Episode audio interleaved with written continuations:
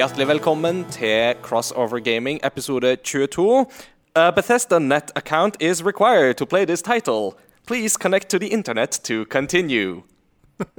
Er det en error-kodereferanse? Det er en eh, liten error-kodereferanse, ja, absolutt. Det er smalt! Det er smalt! Eh, det blir jo holdt på å si, den lille første kunngjøringa der, men eh, Doom 1, 2 og 3 har jo blitt uh, sluppet på diverse konsoller, bl.a. på Switch. Eh, men eh, plutselig så var det titler der Betesta krevde at du måtte ha internettilgang for å spille. Og du måtte òg registrere deg eh, på Bethesda sin konto. Så ja.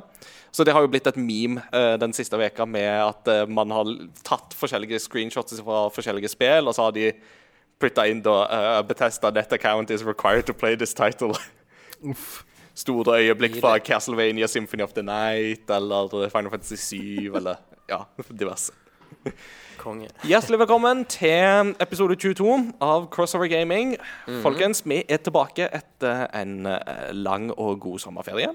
Oh yeah. Oh, vi er så klare. Nå er vi klare til å eh, snakke spill igjen. Noen av oss har vel eh, litt ferie fortsatt, eh, Mats Jakob? Avspasering. Ja, Avspasering. Den fine læreravspaseringa. Det er vakkert.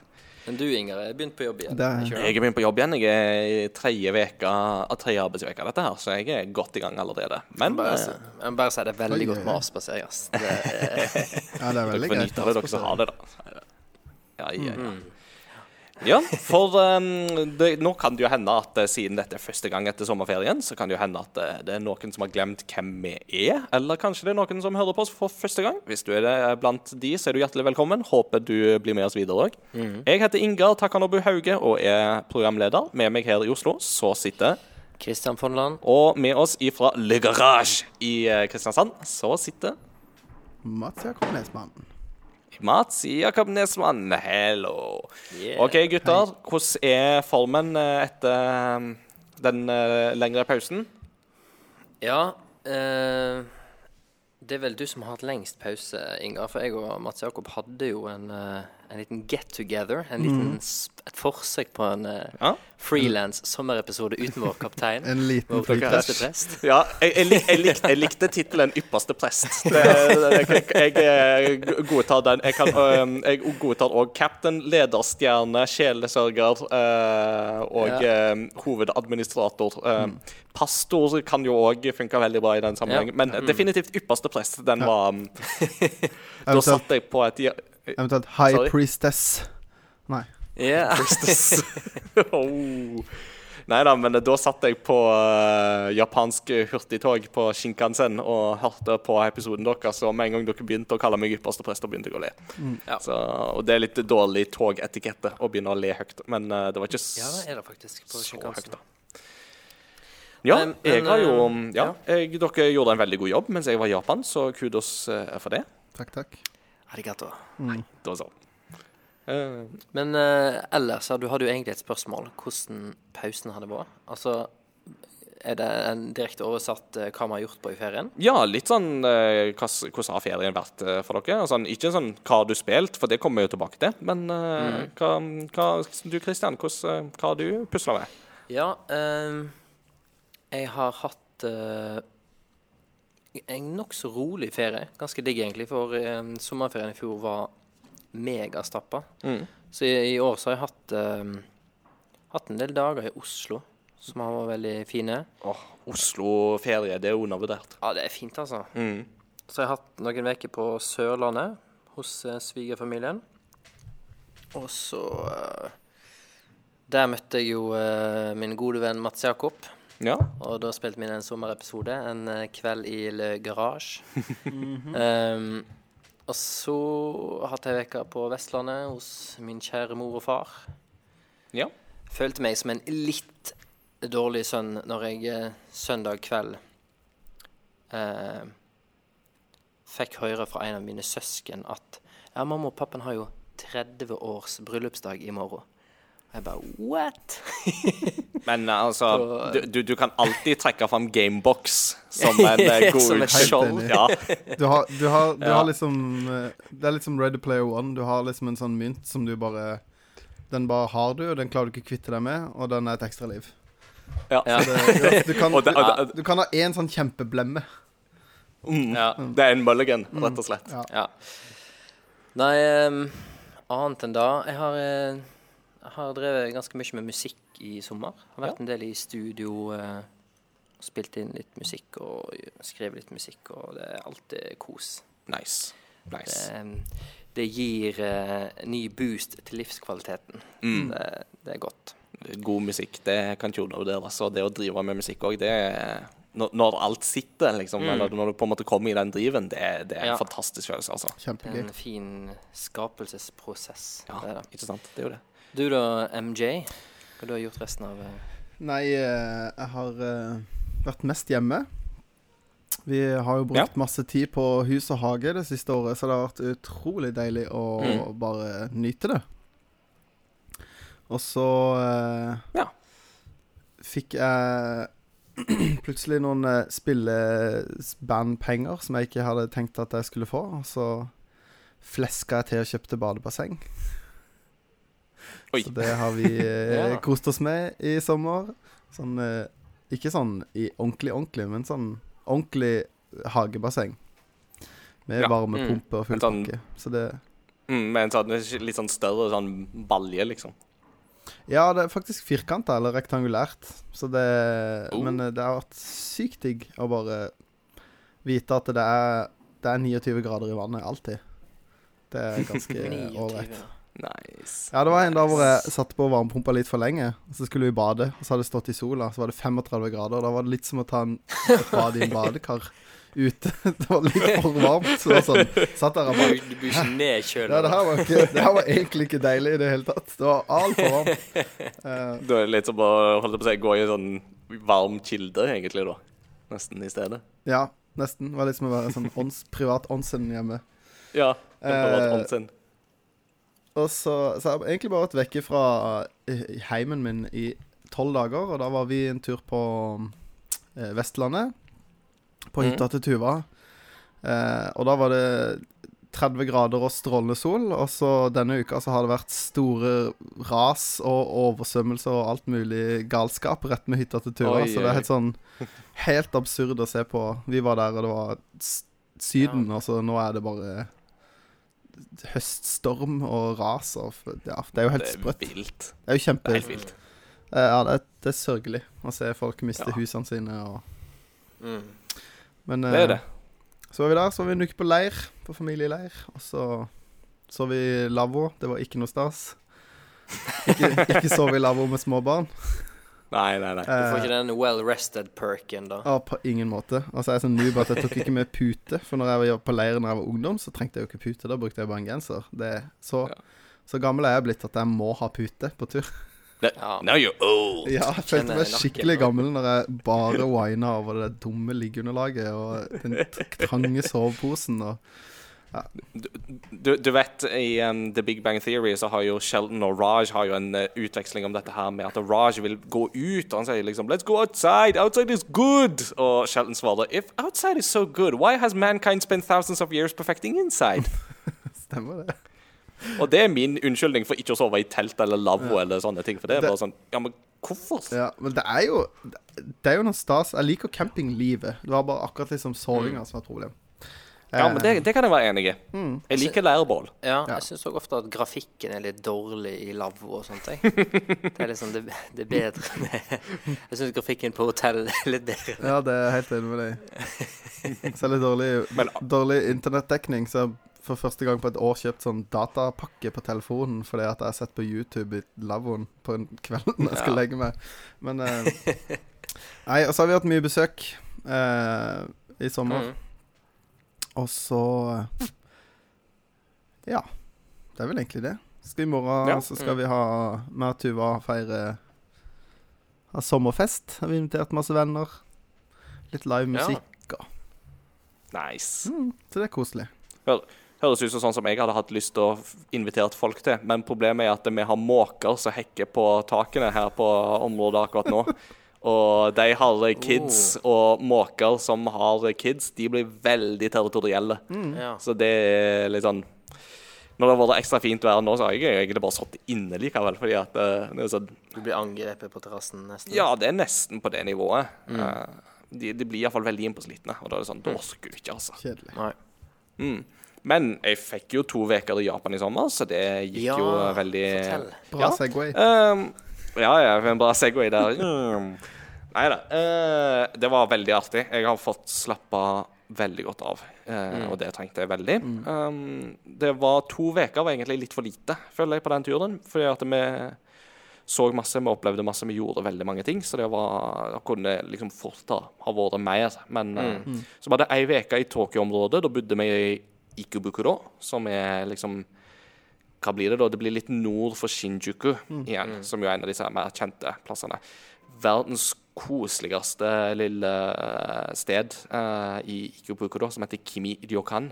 En ryokan er jo et sånt japansk gjestehus. Eh, japanerne, ja, litt sånn tradisjonelt. Du sover på liksom stråmatta på gulvet og sånt. Veldig, veldig koselig sted, da. Jeg må bare Hvis det er litt sånn skriking i bakgrunnen her, så er det for da at det er noe sånn familiestevne på uh, Fjellhaug her, og de er rett utenfor døra, så er det noen gutter som plutselig så skriker de. Men, Ja da. men det, det er glad, det er gladskrik. Ja. De, de leker bare. Mm, det er ikke noe sånn screams of agony. Det er det ikke. så, uh, ja da, dere er ikke, eh, ikke i ja The. Dungeon på Dungeon Keeper, er ikke Nei, nei, det nei. spillserie? Ja, ja. Så jeg, jeg, jeg kan ennå ikke spikke smykke meg med tittelen Nei, jeg kan, og jeg kan ennå ikke smykke meg med tittelen 'Metre de Dungeon'. Så. Men jo um, Ei uke i Tokyo, så hadde vi ei uke i Kobe, som jo er byen jeg vokste opp i som eh, barn. Og det er ofte fungerer bra som en bra hub til nærliggende byer som eh, Kyoto, Osaka, eh, Himeji, Hiroshima, hvis du vil reise dit og sånt. Så, og da bodde vi hos et vennepar av oss, så det var veldig koselig da, å bo der.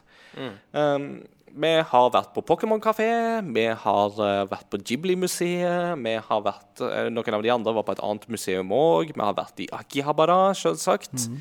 Eh, Nerdenes Mekka. Eh, vi var òg i en eh, bydel i Tokyo som heter Nakano, som ligger vest for Shinjuku, som etter hvert begynner å vokse fram som det nye Akihabara. Mm.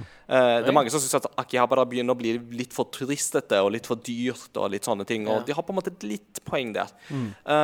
så, men Nakano er på en måte litt sånn Akihabara like it used to be, på en måte. ja, kult. Um, så, de, ja, så vi var der før vi var i Akihabara. uh, og tenkte liksom det at eh, hvis vi finner ting i Nakano, så er det det er ikke dyrere der enn det er i Akihabara, iallfall. Uh, og det viser seg jo at det stemte. Det var jo heller motsatt at det var dyrere i Akihabara. Men Er det mye bruktmarked og sånt der, da? Ja, det er lite grann. Ikke så mye på spillfronten som jeg skulle ønske, kanskje, men veldig mye sånn andre nerdeting, sånn figurer og sånne ting. Så er det masse å finne, og veldig gøy å traske rundt der, da. Så det var eh, Der hadde de jo to av disse Virtual Boy-spillene som jeg mangler, eh, men det er òg de to dyreste. Så det var litt sånn Jeg satt litt på gjerdet, og så var det sånn Nei, jeg kan ikke gå for de, men de kosta jo vanvittig mye mer alle andre plasser jeg lette, så jeg angrer litt på at jeg ikke kjøpte de der, da.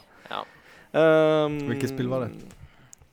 Uh, SD Gundam uh, og uh, Space Invaders. Space Invaders. Kongen. Så begge deler er liksom blant de dyreste som Ah. fins på, uh, på um, Virtual Boy. Men jeg fant uh, Wario, Wario Land på Virtual Boy da, til en ganske god stand, så uh, Ja, det kjøpte jeg. Mm. Så nå mangler jeg egentlig bare fire spill i den Virtual Boy-samlinga, men de er jo desto dyre òg. Altså, de er jo vanvittig dyre, så det spørs om de noen gang går inn i samlinga. Vi får se. Ja.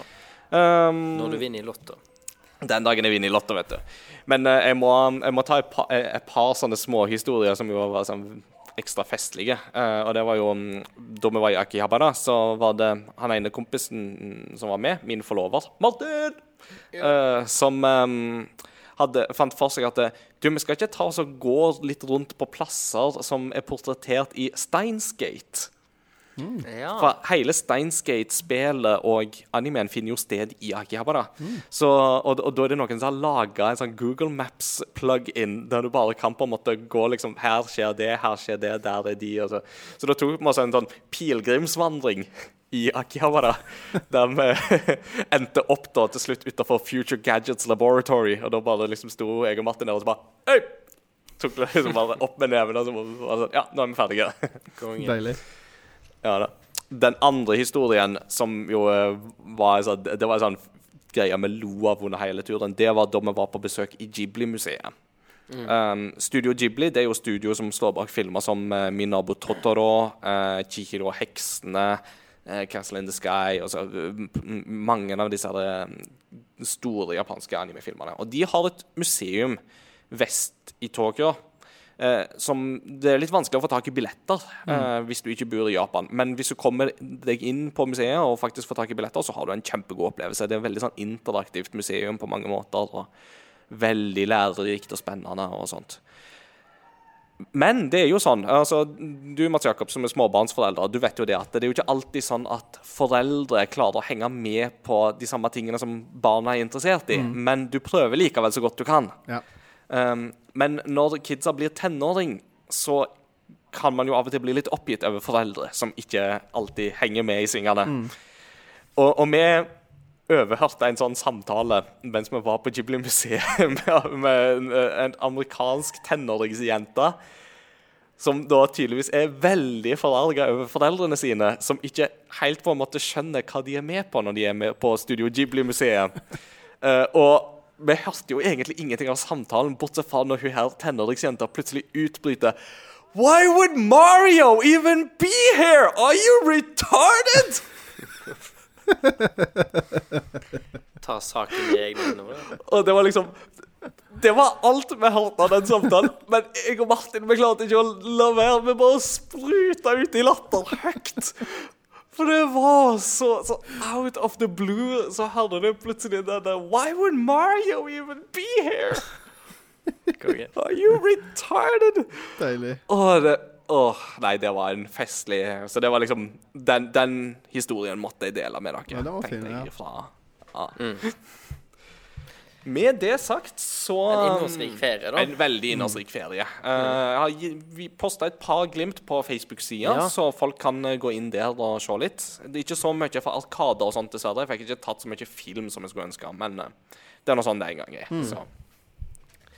Uh, med det så tenker jeg at da har vi gitt en liten sånn um, oppsummering av ferien vår utenom spill, for det kommer vi jo tilbake til seinere, i et av våre faste liturgiske ledd. Men uh, da tenker jeg at uh, vi går over inn i vårt eh, neste semifaste liturgiske ledd, som da er kunngjøringer. Eller kunngjøringer, Kunngjøringer. Ja, også, også kjent som nyheter. der eh, kommer det snart en jingle, Ja, har vi snakket om. ja. Vi er litt sånn i idéfasen på hva den skal være. Men uh, du kan jo få lov å breake Altså, vi har jo breaking news, eller uh, kjempestor kunngjøring, Ja, om du vil. eh, den er ganske kul. Hvis det, de fastlytterne har sikkert fått det her med seg enten på Instagram eller Facebook allerede. Men jeg tror det her er up and running når denne episoden her er ute, altså mandag. Og da er at vi er nå tilgjengelig på Spotify. Så nå er faktisk Crossover Gaming virkelig podkasten som er tilgjengelig overalt der podder kastes. Yes. Og det som eh, Vi har fått en, eh, flere ønsker om, eh, fra lyttere om at vi skulle være tilgjengelig Om vi kunne bli tilgjengelig på Spotify. Eh, litt for det at de lytterne som hører kun på PC, for eksempel, da, så, og hører på Soundcloud, så er ikke Soundcloud så flink til å liksom huske hvor hen, hvor hen du var, eller hvor Nei. hen du avslutta å høre av forrige gang, og liksom ta opp igjen og Ja. Mobilappen gjør jo det, men ikke på PC av en eller annen grunn. Så. Nei, ikke sant. Så, um, så der blir det litt lettere. Og så Foreløpig så er det jo i disse podkast-appene sånn, så er det jo ganske mange spillpodkaster, men jeg tror ikke det er alle som har kommet seg over til, eh, Spotify ennå. Nei. Så kanskje det er en god eh, promotering Ja. for vår egen del. Og nå er det jo enda lettere for dere som hører på, å dele Crossover Gaming med de dere kjenner. Så det må dere veldig gjerne gjøre. Yes. Yeah. Skal vi gå videre til neste kunngjøring? Uh, jeg har Neste allerede kirkekaffe Ja. blir i kjelleren. da skal vi Da skal ypperste presten uh, Ingar ha Nei da. Um, jeg jeg syns nesten litt uh, Nei, jeg syns ikke synd på de som hører på oss første gang. Det gjør jeg ikke. Men uh, hvis du er første Men er du førstegangslytter og hører på oss og syns dette er veldig rart, så er det litt sånn vi holder på. Det er liksom litt vår tone og litt vår humor. Så det er nå sånn det er. Um, Just get with it. Yeah. You know? Eh, jeg nevnte jo nyheten om Doom, som jo nå er tilgjengelig. Altså Doom 1, 2 og 3. Tilgjengelig på i alle fall PlayStation 4 og Switch og diverse. Der det plutselig ble en liten sak med at uh, Betesta plutselig skulle ha uh, kreve internett-tilkobling. Og dette da for spillet fra sånn type 1993 og sånt, som jo var lenge før internett var ei greie. Så Ja. um, det har Betesta i ettertid sagt at det, det var ikke meninga at det skulle være med, og det skal være frivillig. Vi jobber med saken. Så Det er bra. yeah. Du må logge deg inn på uh, Fallout 76 sin server for å få tak i activation Du må laste ned et mobilspill for å få lov å spille Nei. Ja, du må skrive inn en activation key som er i manualen i coveret. Så hvis du har sånn kjøpt det digitalt, så sliter du. Du må ha originale Doom eh, Ikke sant? Ja. Um, den største nyheten fra uka som har gått, er jo definitivt at Norge har fått en verdensmester i Fortnite. Nærmere Ja. bestemt i duomodusen. Eh, det er jo da Ja, ja, ja. 16 år gamle Emil Nyrox Bergqvist Pedersen har da eh, sammen med sin eh, jeg, tror, samarbeid, jeg tror partneren hans er fra Nederland. Altså han eh, som han Ja. spiller sammen med, Mm. fra Nederland. Og de vant duomodusen i Fortnite, som jo var Altså, det var verdensmesterskap nå i helga. Det er ganske imponerende, ikke minst i den alderen der. Da han kan innkasje en premie på 13 millioner norske kroner, sånn give or take, så det er jo Ja. litt av en uh, Og, og da er jo da bare halvparten av potten. Mm. For det er jo, siden det er en duo, så totalpotten var jo 26,6, et eller annet sånt. Ja, altså den var vel på 3 millioner euro, eh, amerikanske dollar. Ja. Men- så godt jobba. Jeg så eh, noen som posta litt sånn der eh, Hvis du ikke ennå har skjønt hvor stort e-sport er, så var det liksom eh, eh, Vinneren av Fortnite, 3 millioner dollar. Eh, Roger Federer, som vant eh, en eller annen eh, US Masters-turnering i tennis, 2,1 millioner dollar. Tiger Woods vant Masters-cupen, 1,9 millioner dollar. Mm. Har du nå skjønt hvor stort e-sport er? Liksom. det er sånn, Tiger Woods ja, tjente faktisk... mindre penger enn en 16 år gammel, 13 år, 16 år gammel nordmann som spilte Ja. En dataspill. 16 år gammel 13-åring. Nei, ja, jeg, jeg, skjønner du fortsatt trenger denne avspaseringa som du eh, holder på med. Ja, det stemmer. Nei, men eh, definitivt imponerende. Det, gratulerer. Ikke bruk opp alle pengene med en gang. Invester dette lurt, og fullfør fortsatt eh, videregående. Mm. Selv om det ikke er så fristende akkurat nå, Emil, så anbefaler vi veldig sterkt at du gjør det. Stay in school. Ja. Um, neste Og kjøp Virtual kunngjøring- Boy-spill til Inger. Ja. Kjøp Virtual Boy-spill til meg. Definitivt. Jeg blir veldig glad hvis du gjør det. Uh, neste sak er at um, PlayStation 4 har eh, bikka 100 millioner solgte konsoller. Wow. Um, og faktisk så har den gjort det det er den, altså den, Tempoet den har gjort det i, er det raskeste i spillhistorien så langt. Så selv om PlayStation 2 var jo, eh, har jo er jo tidenes bestselgende konsoll med over 150 millioner solgte. Eh, men selv PlayStation 2 nådde ikke 100 millioner-tallet så fort som det PlayStation 4 har gjort. Nei. Det er jo eh, Det er jo litt forskjellige parametere ute og går her nå. Da. Altså Når PlayStation 2 nådde 100 millioner, så var jo befolkningstallet på jordkloden en del mindre. Og eh, gaming som kultur var ganske mye mindre. Så ut ifra de omstendighetene så tror jeg kanskje PlayStation 2 gjorde det bedre. Det kan, Ut det ifra kan vi jo si. eh, hva som lå til rette for gode salg. Da. Mm, det, det, det er mulig å argumentere med. Mens eh, det er jo eh, Ja, det er solide tall. Ja. Og så blir det spennende å se om Switch på et eller annet tidspunkt går forbi på det tallet der, da. Ja, de eh, Jeg så nettopp en artikkel om at de til nå har solgt 37 Ja, det er riktig. Som er nå- kjappere ja. enn 3DS, men bitte litt treigere enn Wii. Ja. Ja. Uh, og nå kommer vi jo Switch Light òg, så det kan jo hende Mm. at det booster salget enda mer. Hvem vet? Ja. Neste sak er at uh, Pokémon Go har blitt lasta ned en, milliard ganger. Yes. En million var litt lite, men en milliard ganger. Så um, er Pokémon Go dødt? Nei, det er det slettes ikke. Det, det lever fortsatt i beste velgående. Mm. Um, også neste kunngjøring er at uh, nå kan du spille som Hero uh, fra Dragon Quest i Super Smash Bros. Um, det var en av disse DLC-figurene som ble annonsert under E3-messen. Og, og um, nå er altså Hero tilgjengelig, har vært tilgjengelig siden tirsdag. Jeg bare kom på eh, når du snakket om Pokémon Go i stad, Ja. at jeg husker når, eh, en sånn nyhetssak om at eh, når Pokémon Go liksom hadde vært ute i en måneds tid, Mm. så var det en sånn artikkel om at liksom aksjeverdien til Nintendo hadde hoppa i været.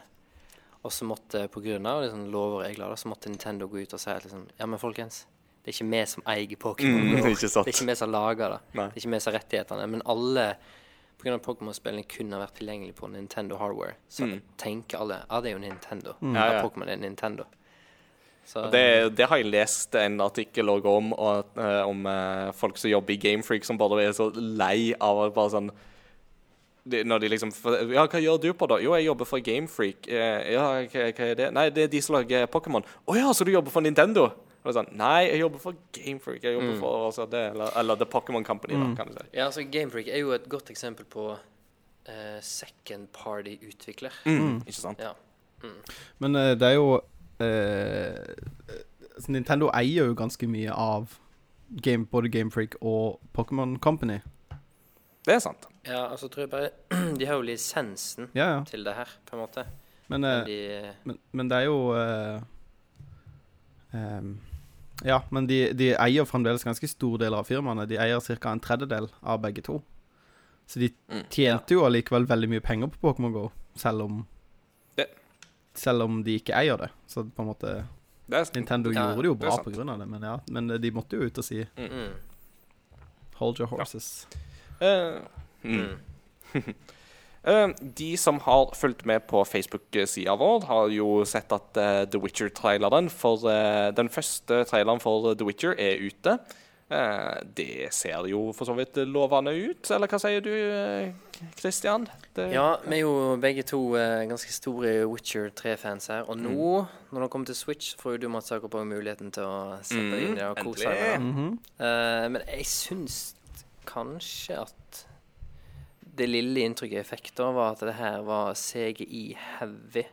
Og da mener jeg altså Selvfølgelig må de jo lage monstre med CGI-effekter og sånn, men, men det føltes som veldig mange av bakgrunnene og setpisene var liksom Mm. Områdene var CGI òg. Og, og det er litt sånn Hvis det stemmer, da, så, så syns jeg ofte da, sånn kan bli litt sånn Da føles det billigere, og så er det litt sånn slitsomt på øynene i lengden. Og, men jeg håper det, det bare er inntrykket jeg fikk i traileren, at det ikke faktisk stemmer. da. Men, mm.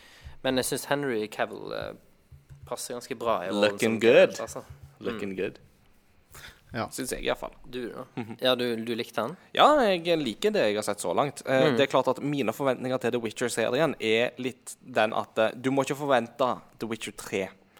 Fordi Nei. dette er jo plassert mer i Altså, dette er jo mer basert på bøkene, mer enn det er basert på spillene. Eh, og Derfor så må jeg på en måte skru litt ned de der forventningene om at dette skal være akkurat likt som spillene, for det kommer det ikke til å være. Uh, men uh, ut ifra liksom, det vi fikk se, så syns jeg altså, jeg fikk absolutt litt sånn vibba til The Last Wish, som gjør den der novellesamlinga, for f.eks. Uh, og syns absolutt at dette ser lovende ut. Så Ja, for- jeg er spent på for- hvordan dette kan bli. For mesteparten av det visuelle som folk har klaga på, har jo vært egentlig på grunnlag av sånn som ting ser ut i spillet. For eksempel ah, 'Han skal ikke ha så langt hår'. Mm. Altså bare, ja, nei, men nå tolker, nå tolker du ut ifra spillet, og spillet er en tolkning av bøkene. Og det er bøkene disse her Det er en ny tolkning av bokserien, på en måte. da Ja. Så For deg som ikke har uh, spilt The Witcher ennå, hva er din tanke rundt, rundt dette? Eh, nei, altså, jeg har jo ikke spilt spillet, så jeg har jo heller ikke sett traileren. Nei. For det, det er ikke noe jeg må se. Men hva syns du? Nei. Nei, jeg syns da nei, uh, nei, jeg har ikke sett traileren, men jeg er jo selvfølgelig nysgjerrig, men uh, Mm.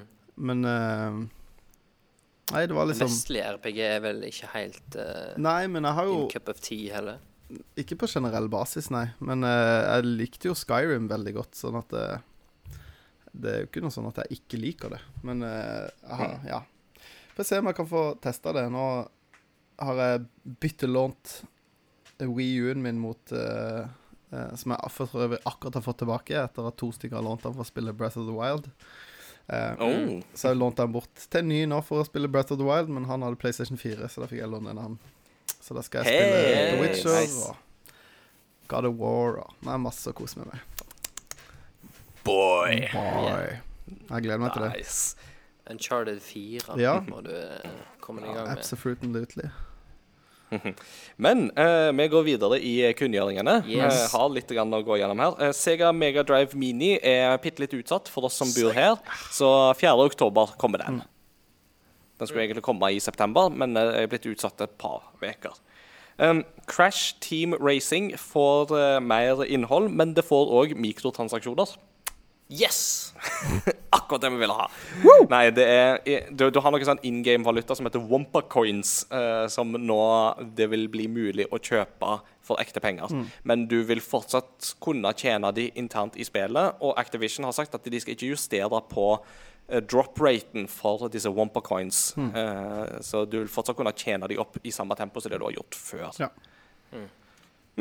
Um, for eh, deg som eh, er primært på Switch av eh, moderne konsoller, uh, Mats Jakob, så har vi jo en god nyhet, nemlig at mm. The Outer Worlds kommer til Switch.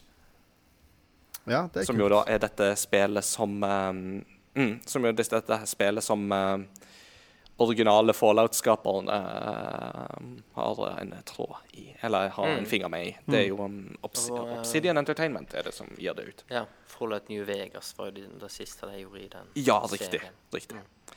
Um, Og så, uh, i går, uh, når vi tar det opp, dvs. Si 31. juli, så fylte Gameboy 30 år i USA. Woo! Yeah. Eh, good times.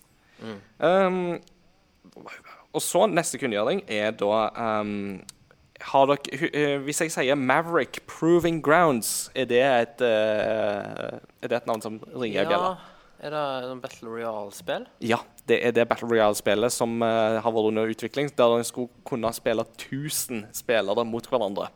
What? Det blir kansellert. Ja. Det- De har gått tom for penger, og de hadde en sånn liten testperiode forrige uke, eh, men eh, nå er de visst tomme for penger. De har et annet spill som de prøver å berge, men eh, Maverick Proving Grounds er da kansellert, og vi får ikke vite hvordan det ville funka med 1000 spillere mot hverandre. Så sånn er det. Så er det jo òg en eh, litt sånn eh, kjip eh, kunngjøring. eh, og det er jo at eh, Anti-Defamation League, eh, en amerikansk organisasjon som jobber mye om dette her med mobbing og trakassering, altså jobber mot mobbing, da, la oss si, si, det sånn heller. De har eh, nylig publisert resultatene fra en ganske stor undersøkelse de har hatt om online-spilling, der det kommer fram at så mange som 74% av amerikanske nettspillere har opplevd mobbing, trakassering eller trusler mens de spiller online. De har òg skilt her mellom ba, eller, i hermetegn bare trolling, eh, eller bare litt sånn lett holdt jeg på å si, skitsnakk, eh, og eh, liksom litt mer alvorlige um, hendelser. Og av mm, disse ser er det da 65% som har opplevd alvorligere trusler i form av da type netthets, eh, krenking eh, Eller så i liksom doxing til og med, med at folk liksom finner opp informasjonen om de i real life og begynner å komme med trusler av diverse typer slag. Dette er ganske deprimerende tall. Dette er òg en ting vi skal snakke mer om. Eh, det, vi har vel egentlig en tanke om at i neste episode skal vi vie litt til det temaet der. Det er jo litt sånn Det er jo triste tall, men uh, Ja. ut fra enkelte online-spill jeg har vært innom, så er det ikke så overraskende. Nei. Og jeg tror det hadde vært spennende å- å lese liksom det resultatet, for jeg tror kanskje at det vil være veldig stor forskjell på enkelte community. Mm. Det, Tror det, det, det er det. Men Ja. eh, rapporten er tilgjengelig i sin helhet på mm, PDF. det, så ja. du kan, eh, dette kan være heimeleksa, eh, rett og slett. Og Ja. lese litt i den. For i, i Warframe, for eksempel, da, Mm. så er det kjempefint community. Ja. Aldri opplevd noe Jeg tror at en av verstingene var hvis det Dota og, og League Ja. of Legends tror jeg var liksom blant de to verstingene Mm. eh, i dette her. Men det Men uh, det er Ja, vær så god. bare Jeg syns jo på en måte Det var jo mange som stussa på det at f.eks. Nintendo fremdeles ikke Altså droppa voicechat så veldig, veldig lenge. Og Mm. gjerne da i typ sånn i Mario Kart så kan du jo ikke skrive noe. Du kan bare velge hva, hva du Mm. vil si av sånn der eh, Mm. ferdig skrevet.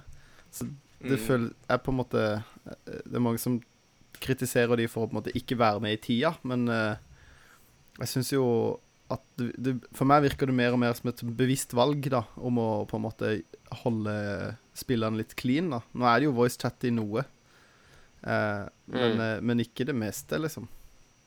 Mm. Selvfølgelig bo Og det Det holder de jo tilbake på en del ting, men eh, de dodger jo noen kuler der. Absolutt. Mm. Ja, det er et godt poeng. Nei da, så dette er mm, ting som jeg skal komme tilbake igjen til Mm. og, og snakke mer om. Men det er en veldig aktuell problemstilling, en veldig viktig problemstilling. Og ikke minst er det kjempeviktig at det blir tatt tak i. Mm. For det, mm, jeg tror vi alle kan være enige om at sånn skal vi ikke ha det. Sånn skal det ikke være. Eh, men det er, de, rapporten eh, viser òg at 80 eh, forteller likevel at de har opplevd positive sider ved nettspilling òg. Så det er ikke bare eh, si, slagsider ved dette, men det er òg positive effekter ved det å spille online. F.eks. at de knytter vennskap, eh, lærer nye ting, utvikler nye ferdigheter osv. Så, videre. så det er positive effekter her òg, men det er noen veldig mørke slagsider her òg. Ja. Mm. Jeg har òg i kunngjøringene notert meg at eh, Marvel har jo kunngjort eh, deler av fase fire under San Diego Comic-Con, men jeg vet ikke om jeg skal gå så veldig inn på det akkurat nå. Eh, Nei, da blir det litt langt. Det Jeg holder langt. meg på litt lenge. Ja. Ja. det blir litt langt. Så, men eh, folk får eh, slå det opp hvis de er interesserte. Mm. Det er mye lo godt eh, på gang der. Eh, jeg tror jeg gleder meg mest til ny Thor-film eh, med samme regissør som ga oss eh, Thor Ragnarok. Ja, Så Thor Love and Thunder er annonsert. Yes. Og en liten gøyal ting der. eh, Natalie Portman er med igjen, tilbake. Og eh, de skal innføre hele Lady Thor-storylinen fra tegneseriene de siste årene. Så kult. Natalie Portman skal bli Thor. Deilig. Er jeg, er jeg litt sånn uh, cheap der? Bare ikke for å lage en lang diskusjon her. Men hvis jeg syns det er en no, Det er ikke at du spoiler nå, for at de har jo sagt det sjøl og masse press på det. Men hadde det ikke vært kulere hvis de ikke sa noe om det? Og så plutselig liksom i filmen så bare Så får hun Blir hun Lady Thor, på en måte? da Ja, på en måte. At ikke du liksom sier bare Ja, den skuespilleren er tilbake og skal spille den rollen. Bare, OK, da vet vi at det skjer. Som er en ganske sånn Hadde vært en kul story-utvidelse, da. Det er for så vidt I don't know. I don't know. Du får heller ta og putte inn en sånn der, eh, når du skal um, eh, redigere dette her, sånn at folk blir advart her. Spoiler. Ja, nei, nei, men altså, du har ikke spoiler. Det er jo, det har jo De har jo valgt å gjøre det sjøl, Det er Marvel, sant. på en måte. Det er sant. Yes. Um, med det så er kunngjøringsdelen ferdig. Um, så tenkte jeg i forhold til neste liturgiske ledd, så lurte jeg på om vi skulle spare lytterposten til etter pausen. Uh, for uh, å liksom få det overens med liksom, hva vi skal snakke om sjøl etter pausen. Mm. Høres det greit ut? Mm. Ja. Da tenker jeg at det neste liturgiske ledd, det blir uh, hva vi har spilt. Så kjør jingle.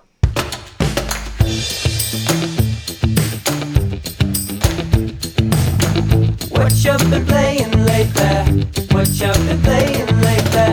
What you been playing lately? What you been playing lately? Yeah! Det var Yes. fortsatt catchy tune, det der, altså. Nice. Nice. It is so nice. Nå hadde jeg prata lenge. Uh, Mats Jakob, Mm. jeg synes at uh, du skal få lov å gå først og fortelle oss hva du har spilt uh, siden sommerepisoden. Det kan jeg gjøre. Um, jeg har Jeg hadde jo store planer om å spille Bloodstained, Ritual of the Night. Ja. Mm -hmm. Men det finnes jo ikke en spillbutikk i Kristiansand som har tatt det inn fysisk. Så Nei, bu. Ja, bu. Ja, det var det, er det, Ja, skikkelig skuff. Eh, men eh, Så jeg ga liksom ikke helt opp håpet. Og så har jo ikke hatt masse tid til å spille det. Eh, men jeg bestilte det nå.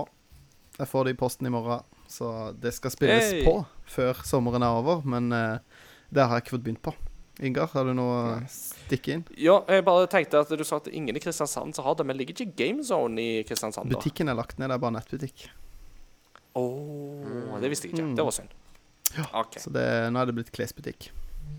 Der hvor games Bu. over. Vi trenger ikke klær. Vi kan alle gå nakne. Gi meg bloodstain. Uh, nei, så det, det er ikke det jeg har gått mest i. Jeg har, spilt, uh, har faktisk spilt veldig mye Settlers of Catan på eh, Ja. switchen min. Ja. Jeg er jo, eh, som jeg nevnte i forrige podkast, ekstremt fan av det brettspillet. Mm. Eh, og har spilt en mobilversjon av det ganske mye tidligere, for noen år siden. Eh, og var litt skuffa over eh, Over AI-en i det spillet. Eh, Ja. Men eh, det er bedre nå. Og campaignene er bedre, og jeg klagde litt over at det var litt sånn komplisert eh, Kompliserte menyer. Eh, men når du først blir vant til det, så flyter det egentlig veldig bra. Nice. Eh, for det, det er jo ganske mange ting man kan gjøre, spesielt når man spiller med utvidelser. Og her Mm. I det spillet her så er jo utvidelsene selvfølgelig DLC.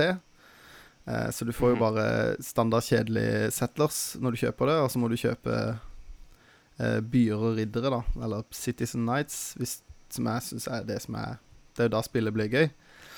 Eh, helt klart. det koster jo 50 kroner ekstra, som jeg syns er litt sånn Uh. Ja, det jeg er ikke så fan av det. Men eh, eh, Jo, men for eksempel da, hvis du skal ha Når du har byriddere, så er det veldig mange forskjellige ting man kan gjøre. Eksempel, du kan bygge, både skip og vei, og du kan bygge eh, bymur og by, og eh, du må kjøpe riddere, utvide riddere, aktivere riddere, bygge Mm. byutvidelser, altså masse ting, da. Eh, så når jeg før ikke var kommet Du må på en måte spille så langt at du unlocker Citizen Nights-biten, da.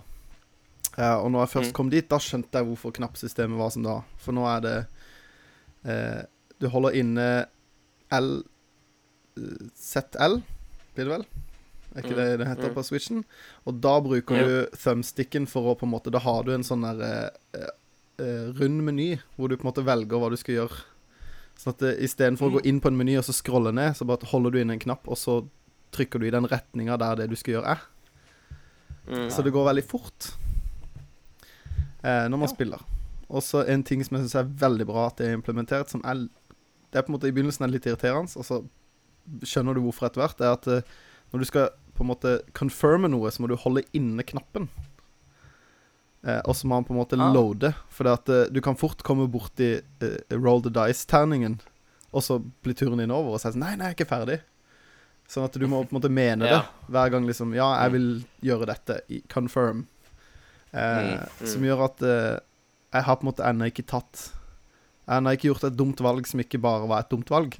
Hvis du skjønner hva jeg mener. uh, så det Jeg har spilt sikkert ja, Sikkert en seks-syv timer av det i sommer. Høres jo kjemperart ut, men uh, det er veldig det, det er bra.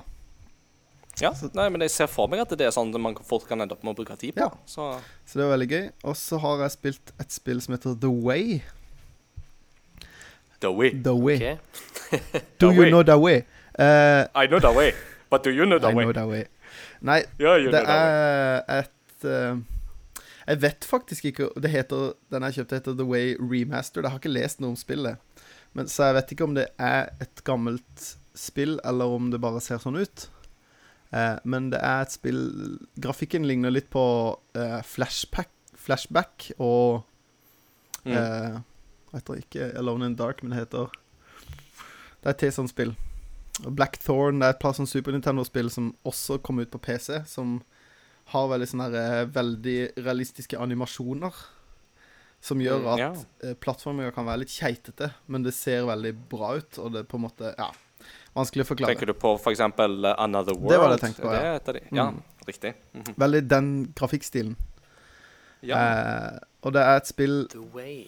Det minner på en måte tidvis litt om Det er en sånn blanding av Blade Runner og Indiana Jones storyline, med litt sånn steampunk eh, dra til en annen planet, og så finner du en planet som kan minne om typ sånn, en sånn ukjent sivilisasjon som Indiana Jones finner, hvis du skjønner hva jeg mener. Eh, I, I am ja, intrigued. det, men det er ganske kult. Og så er det um, 2D. Eh, ganske spennende historie. Litt sånn gøyal historie. Og skrekkelig vanskelig plattforming. Sånn at det er ikke sånn Det er ikke sånn tilgivelig Mario-hopping. Det er sånn Det er nøye hopping, og du dør og du dør og du dør og du dør og du dør. Og du dør Mm. Og det er meninga at du skal dø mange ganger for å skjønne hva du skal gjøre. Så dette er liksom for Soulsborne-folka som er i abstinens dette sikkert? Ja, på en måte. Det er ikke sånn Det er ikke ultra-punishing, men det er sånn derre Det er ikke fordi at spillet er dårlig, det er fordi at jeg ikke spiller riktig. At jeg Mm, dør. Mm? Eh, så det er jo litt sånn Mm. Souls-aktig pakke, da, men jeg vil ikke si at det er Souls-vanskelig, da. Eh, men det var på tilbud på e-storen. Det var på, eh, Mm. det var på eh, 95% salg, så jeg betalte ni kroner for det. What? Nice. Så det, det er absolutt verdt det hvis det fremdeles er på salg, altså. Sjekk det ut. Kult. Så det, har The jeg, way. det er så bra at jeg har til og med tatt det med meg inn på do, og det er ikke alle spill som er så bra. Oi, oi, oi. Er Så inn, bra, i ja. inn i det helligste. Jeg òg har et uh, toalettspill jeg skal fortelle om. Uh, jeg liker det. sånn, Is it good? Yeah, it's toilet grade. It's toilet grade. 11 out of 10. Ja. Eh, ellers så Jeg må tenke om jeg har spilt noe Jo, vi hadde um, vår felles venn Håkon. Han eh, Ja. Håkon, shout-out. Han er jo eh, Han var så lur at han lova meg og kona mi at han skulle hjelpe oss med litt elektrisk i huset. Han er jo elektriker, så det holdt jeg han til. Mm. Så sa han OK, men da skal vi og deg ha en kveld sammen. Nice. Eh, og jeg skulle lage middag og sånne ting. Så vi eh, jobba hele dagen med elektriske ting i huset, og så når klokka bikka seks-sju, så eh, pakka vi sammen utstyret og satte oss eh, her på spillerommet og gama. Nice. Så da viste han eh, et spill som jeg har fortalt dere om tidligere, som heter Arx Fatalis. Ja. Som er det første spillet til Ja, Arcane ja. Studios. For jeg tenkte han er en veldig sånn fyr som Xbox-spill. Ja. Eller PC. Det, det fins på Steam. Ja. Eh, så man kan spille det hvis du har en PC. Og jeg vil nok Mm. tippe at det er, det er utvikla for PC, og så kom det på Xbox. på en måte. Det er ikke, det er ikke Ja. motsatt. Eh, Nei.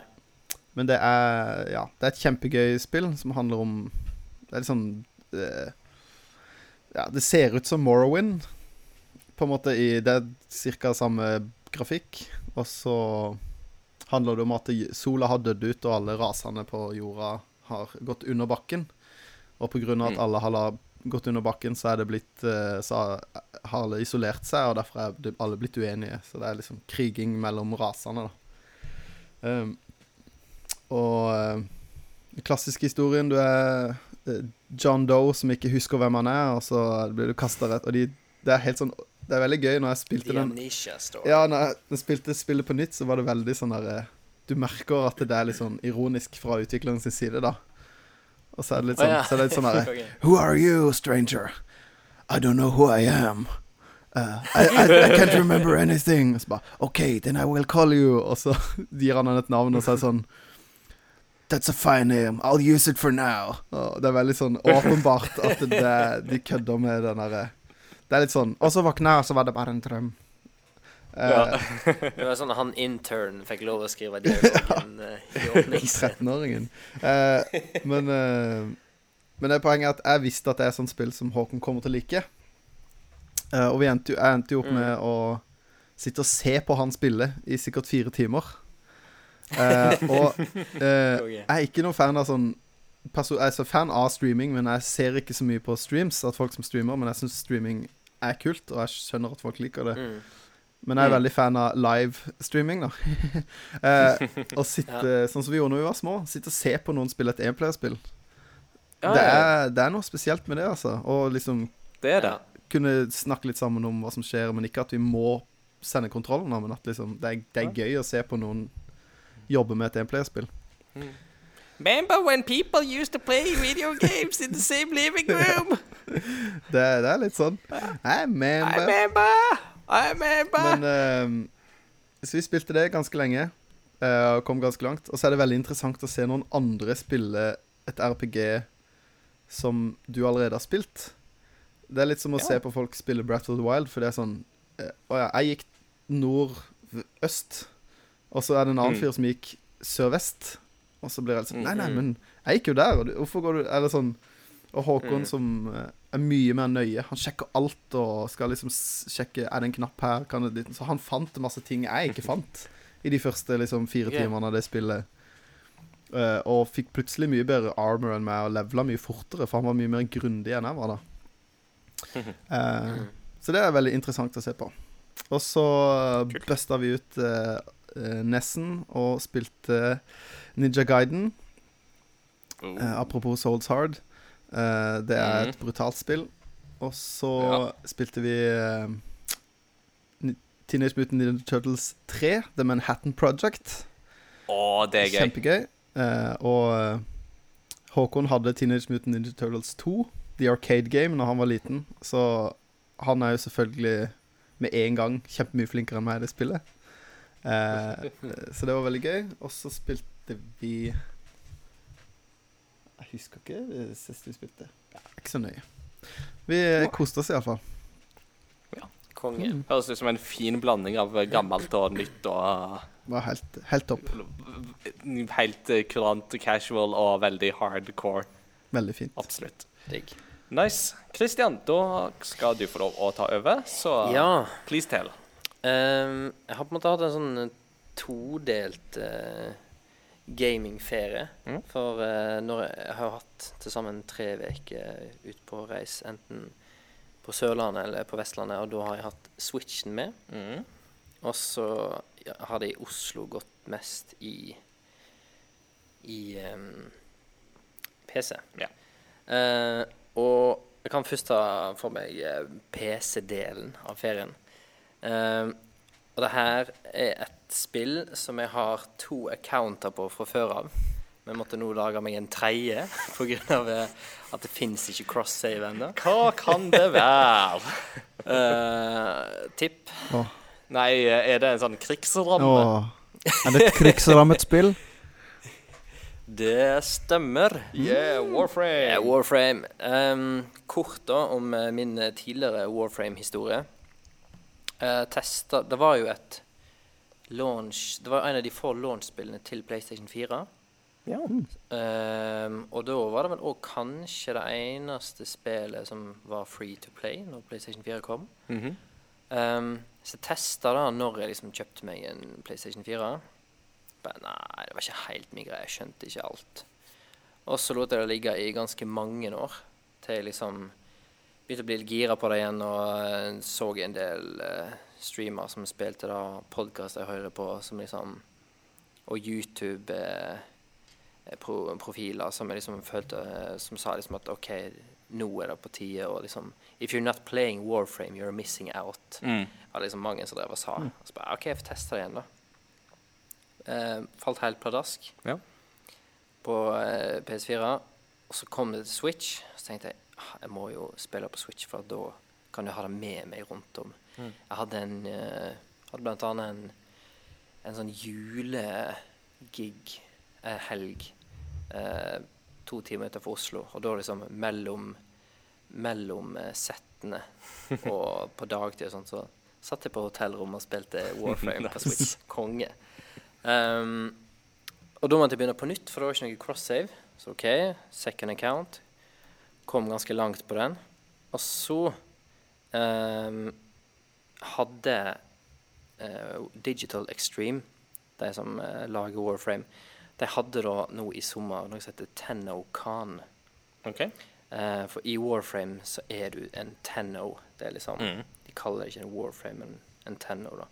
Eh, og eh, der viste de liksom den neste expansion packen som skulle komme. Eh, og eh, så viser de plutselig at ja, og forresten, nå kommer det jo snart nye konsoller. Så nå i høst så får hele spillet en helt ny engine. Oi. Og det så megalekkert ut. Så Nice. så jeg det, så skjønte jeg det her klarer ikke Switchen. Mm. Da fikk jeg lyst til å game det på PC. Og der er det det største community, så der er det lettest å få hjelp på enkelte oppdrag og sånn. Så bare OK, Ja, OK, jeg, jeg gidder jeg, jeg tror jeg, Nå er jeg gira nok. Jeg gidder å lage meg en tredje account. Så det gjorde jeg i sommer. Har vel eh, sikkert 70-80 timer i den så langt. Såpass. Eh, og eh, jeg kommer lengst der, da. Men det har liksom, det har liksom vært bare en to timer her, to timer hvis jeg står tidlig opp en dag, to timer hvis jeg liksom før jeg legger meg en dag. Og så gjennom sommeren så har det blitt en del timer, da. To Um, pluss to blir 72. To pluss to blir 70. Uh, så det er fortsatt konge, altså. Storkoser meg med det. Mm. Uh, så da er liksom PC liksom min uh, plattform der fra nå av, da. Yeah. Eh, men en annen ting jeg har gjort i PC-verden, er Det snakket jeg og du om i stad, Ingar. Ja. Det er spillrelatert, men det er ikke direkte å spille. Nei. Men jeg Litt på grunn av et eh, fag jeg skal, eh, skal undervise litt i i høst, så har jeg eh, gjenopptatt uh, gamle programmeringsskills og programmeringsinteresse. Og så har jeg storkost meg i Unity i sommer. Assassin's Creed Unity. ja. Sett på uh, Notre-Dame i 4K. Eh. Nei, eh, nei, Unity er jo eh, som sagt den her eh, spillmotoren og liksom grafikkmotoren som du òg kan sitte og jobbe i og liksom både designe og liksom programmere ut eh, ja, alt ifra enkle 2D-spill til ganske kompliserte 3D-verdener, da. Og uh, igjen, når vi snakker om det her positive community Bare utvikle communityet i Unity i verden er utrolig positivt og kjempehjelpsomt. Så, så bra. Så det har vært eh, Hvis jeg har tenkt at OK, eh, det der hadde vært artig å gjort. OK, finne en tutorial som er relevant, eh, som, eh, men som jeg kan liksom bygge videre på. Sitter plutselig fast, så er det liksom null problem å, å eh, finne hjelpen du trenger til det. Ja. Så eh, veldig, veldig kjekt. Men eh, koding kan være ganske frustrerende når du når det ikke funker. Du har ikke peiling på hvorfor det ikke funker. når eh, når skriptet ditt, da, det er liksom det er koden, det er et skript, når det blir liksom langt nok, så blir det litt vanskelig. Og i tillegg så har du fire-fem forskjellige skript som er avhengig av hverandre og snakker med hverandre. og OK, nå, nå eh, når jeg kolliderer i den boksen der, så skal spillet slutte. Men istedenfor at spillet slutter, så flyr boksen min videre. Hva, hvorfor skjer det? Ja. Bla, bla, bla. Det er, men det er veldig veldig gøy når du kommer inn i det. Kult. Nice. Um, mens i Switch-verden så har jeg begynt kjøpt deg i sommer. Begynte på og gjennomførte et ganske kort og lineært spill. Eh, som kom for en del år siden, og er, er nok en av de spillene som var ganske tidlig i denne indie-bølgen. Som kanskje hovedsakelig er Minecraft og Braid og sånn eh, Mm. eh, kicka skikkelig av. Mm. Men uh, det her var jo mye mer storyfokusert, da. Og det er spillet Brothers A Tale of Two Sons. Ja. Som er jo uh, spillet til han der uh, Josef Fares. Josef Fares, ja. Mhm. Som òg har A Way Out. Ja. Ja. Som eh, F eh, The Oscars er det noen som kjenner han ifra. Da husker de kanskje hvem vi snakker om. ja. Han er ganske free spoken, for å si Ja. det sånn, men Jeg tror han kanskje han var litt bedugga òg. det, det, det er godt mulig, men uh, jeg må innrømme jeg flirte litt av den episoden likevel, da. Ja, han, det. han, eh, Han er en han er en herlig type. Han er en herlig type. Han er Ja. jo det. Han er jo det. Men uh, det er et veldig eh, Jeg tror hvis du hadde spilt den når det kom, så tror jeg liksom det her med omgivelser og rent det visuelle hadde kanskje truffet litt hardere. Men eh, den storyen som blir fortalt, er fortsatt eh, like sterk i dag. Da. Jeg er veldig glad for at jeg ikke hadde fått spoila det spillet her. Mm. Ehm, og hele storyen blir fortalt uten et eneste ord. Mm. Eller jeg lurer på om av og til kan karakteren din si noe som Jo, han kan si mamma og pappa. Ja. Og, eller karakterene, for du styrer jo da to brødre. Mm. Du styrer én med hver stikke. Yes. Og så med liksom ZR og ZL så griper du liksom med den med den ene broren, på en måte, hvis du skal, liksom, hvis du skal klatre, eller hvis du skal løfte opp et eller annet. Så det er litt sånn en tricky kontrollsystem. Men uh, det var et spill hvor jeg liksom Når jeg Det var ganske seint på kvelden, uh, var aleine i Oslo, og når jeg skjønte at jeg liksom Jeg nærmer meg eh, slutten, da, Mm. og, og liksom toppen av storyen, og da klarte jeg ikke legge meg. i bare det her måtte jeg gjennomføre. Det er en ganske sterk opplevelse. Det er det, altså. Absolutt. Um, og så, når jeg har vært uh, på Sørlandet, så har jeg noen onkelkids som eh, begynner å bli uh, Ja. Jeg bare skyte inn at uh, den Switch-versjonen, det er vel den første versjonen hvor du kan spille co-op, er det ikke det?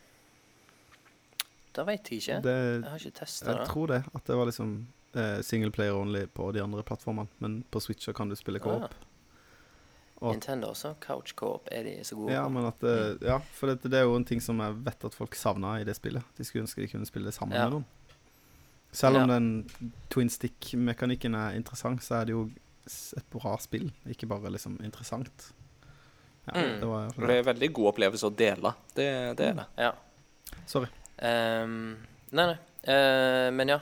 Uh, noen onkelkids som uh, nå er da uh, De to eldste på den ene sida er da åtte og ti.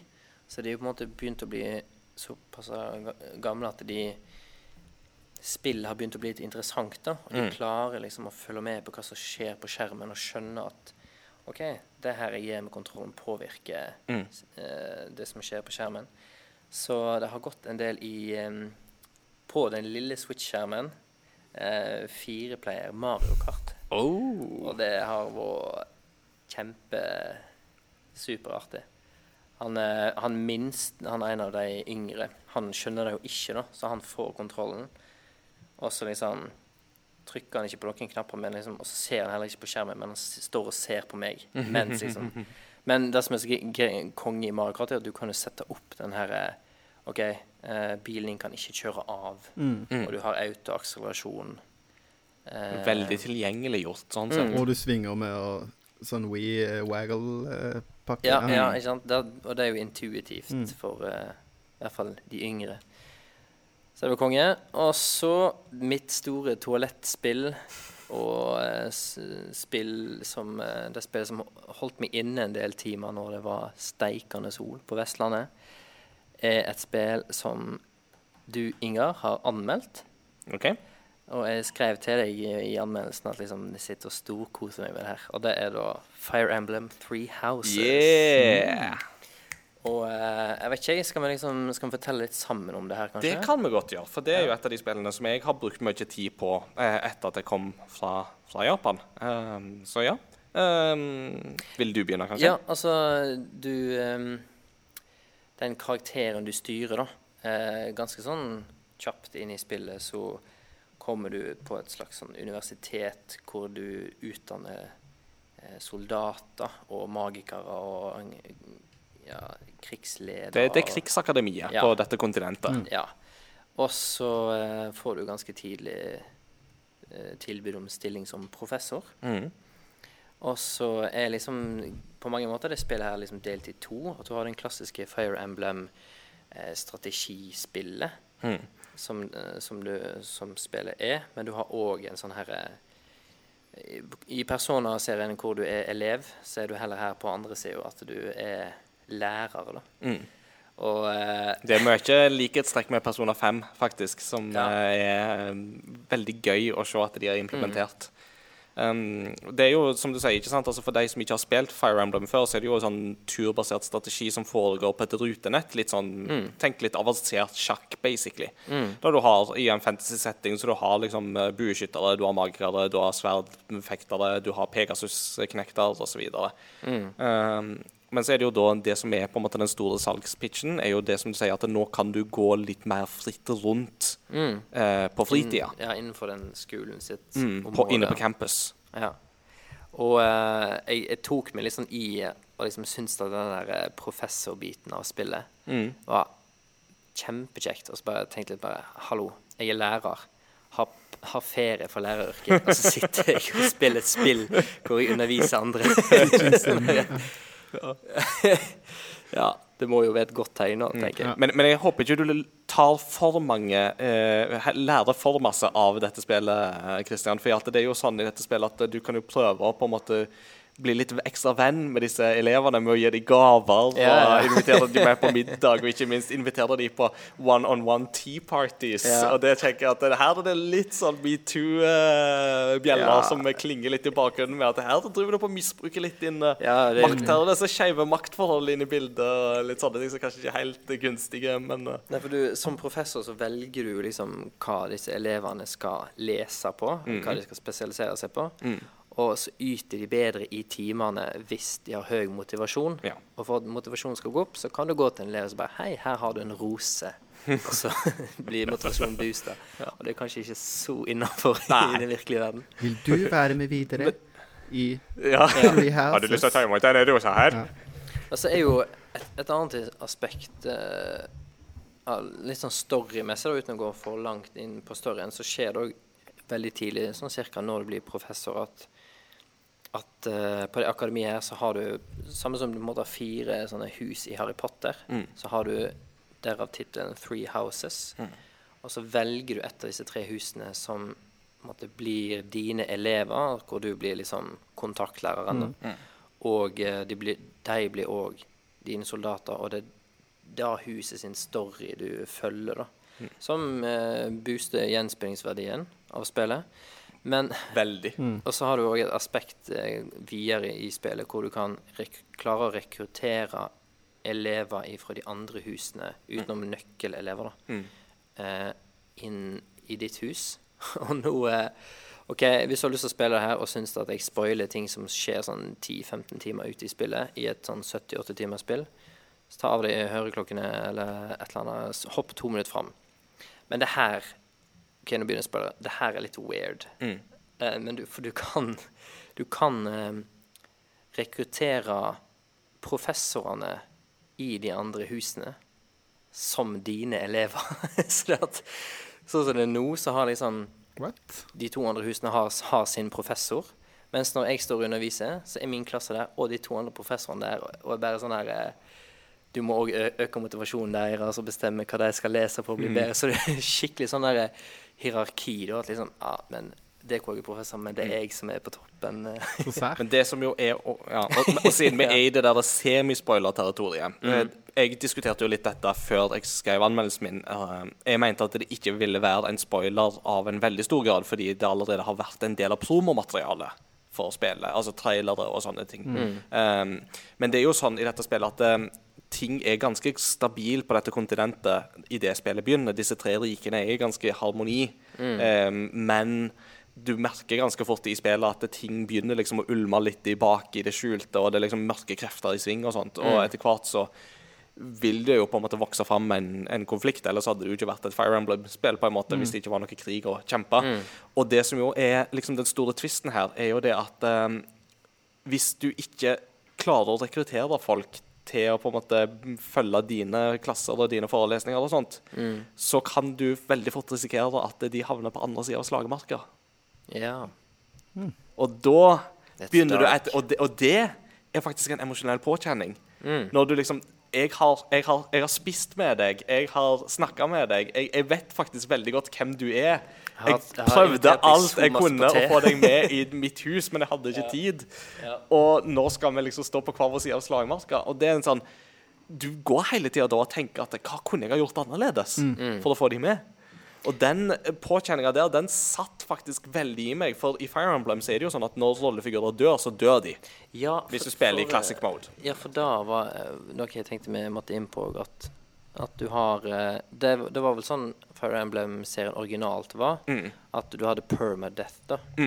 Mens uh, i nyere spill så har du liksom kunnet ha valgt som en vanskelighetsgrad om du vil ha classic mode, Mm. som er med permadeath, eller om du har normal. At liksom, ja, de faller på slagmarken, men de er tilbake etterpå. Mm. Hva, hva spilte du? Jeg spiller alltid med permadeath på. For meg så er det ikke Fire Emblem uten. Uh, det skal jo sies at Nå har jo jeg spilt Fire Emblem helt siden det første vestlige Altså kom ut i Vesten på Gameboy Advance i 2004. Eh, og jeg er jo da veldig veldig vant med den der med at det er liksom det som er den emosjonelle investeringa i Fire Emblem. Ja, for da hadde jo ikke du valget. Nei, da hadde du ikke valget. Da måtte du jo faktisk em, og, og det er jo sånn at når du har kjempegode rollefigurer som du blir kjent med, og som på en måte de har sine personligheter, de har sine quirks, de, de er på en måte reelle personer på mange måter, så vil du ikke at de skal dø. Du vil jo ha de med videre. Eh, så det er en sånn driv da som holder deg gående. Ja. Um, ja, jeg har jo sjøl um, spilt Fire Emblem Three Houses eh, da, og anmeldt det for uh, Game Reactor, så anmeldelsen er ute nå.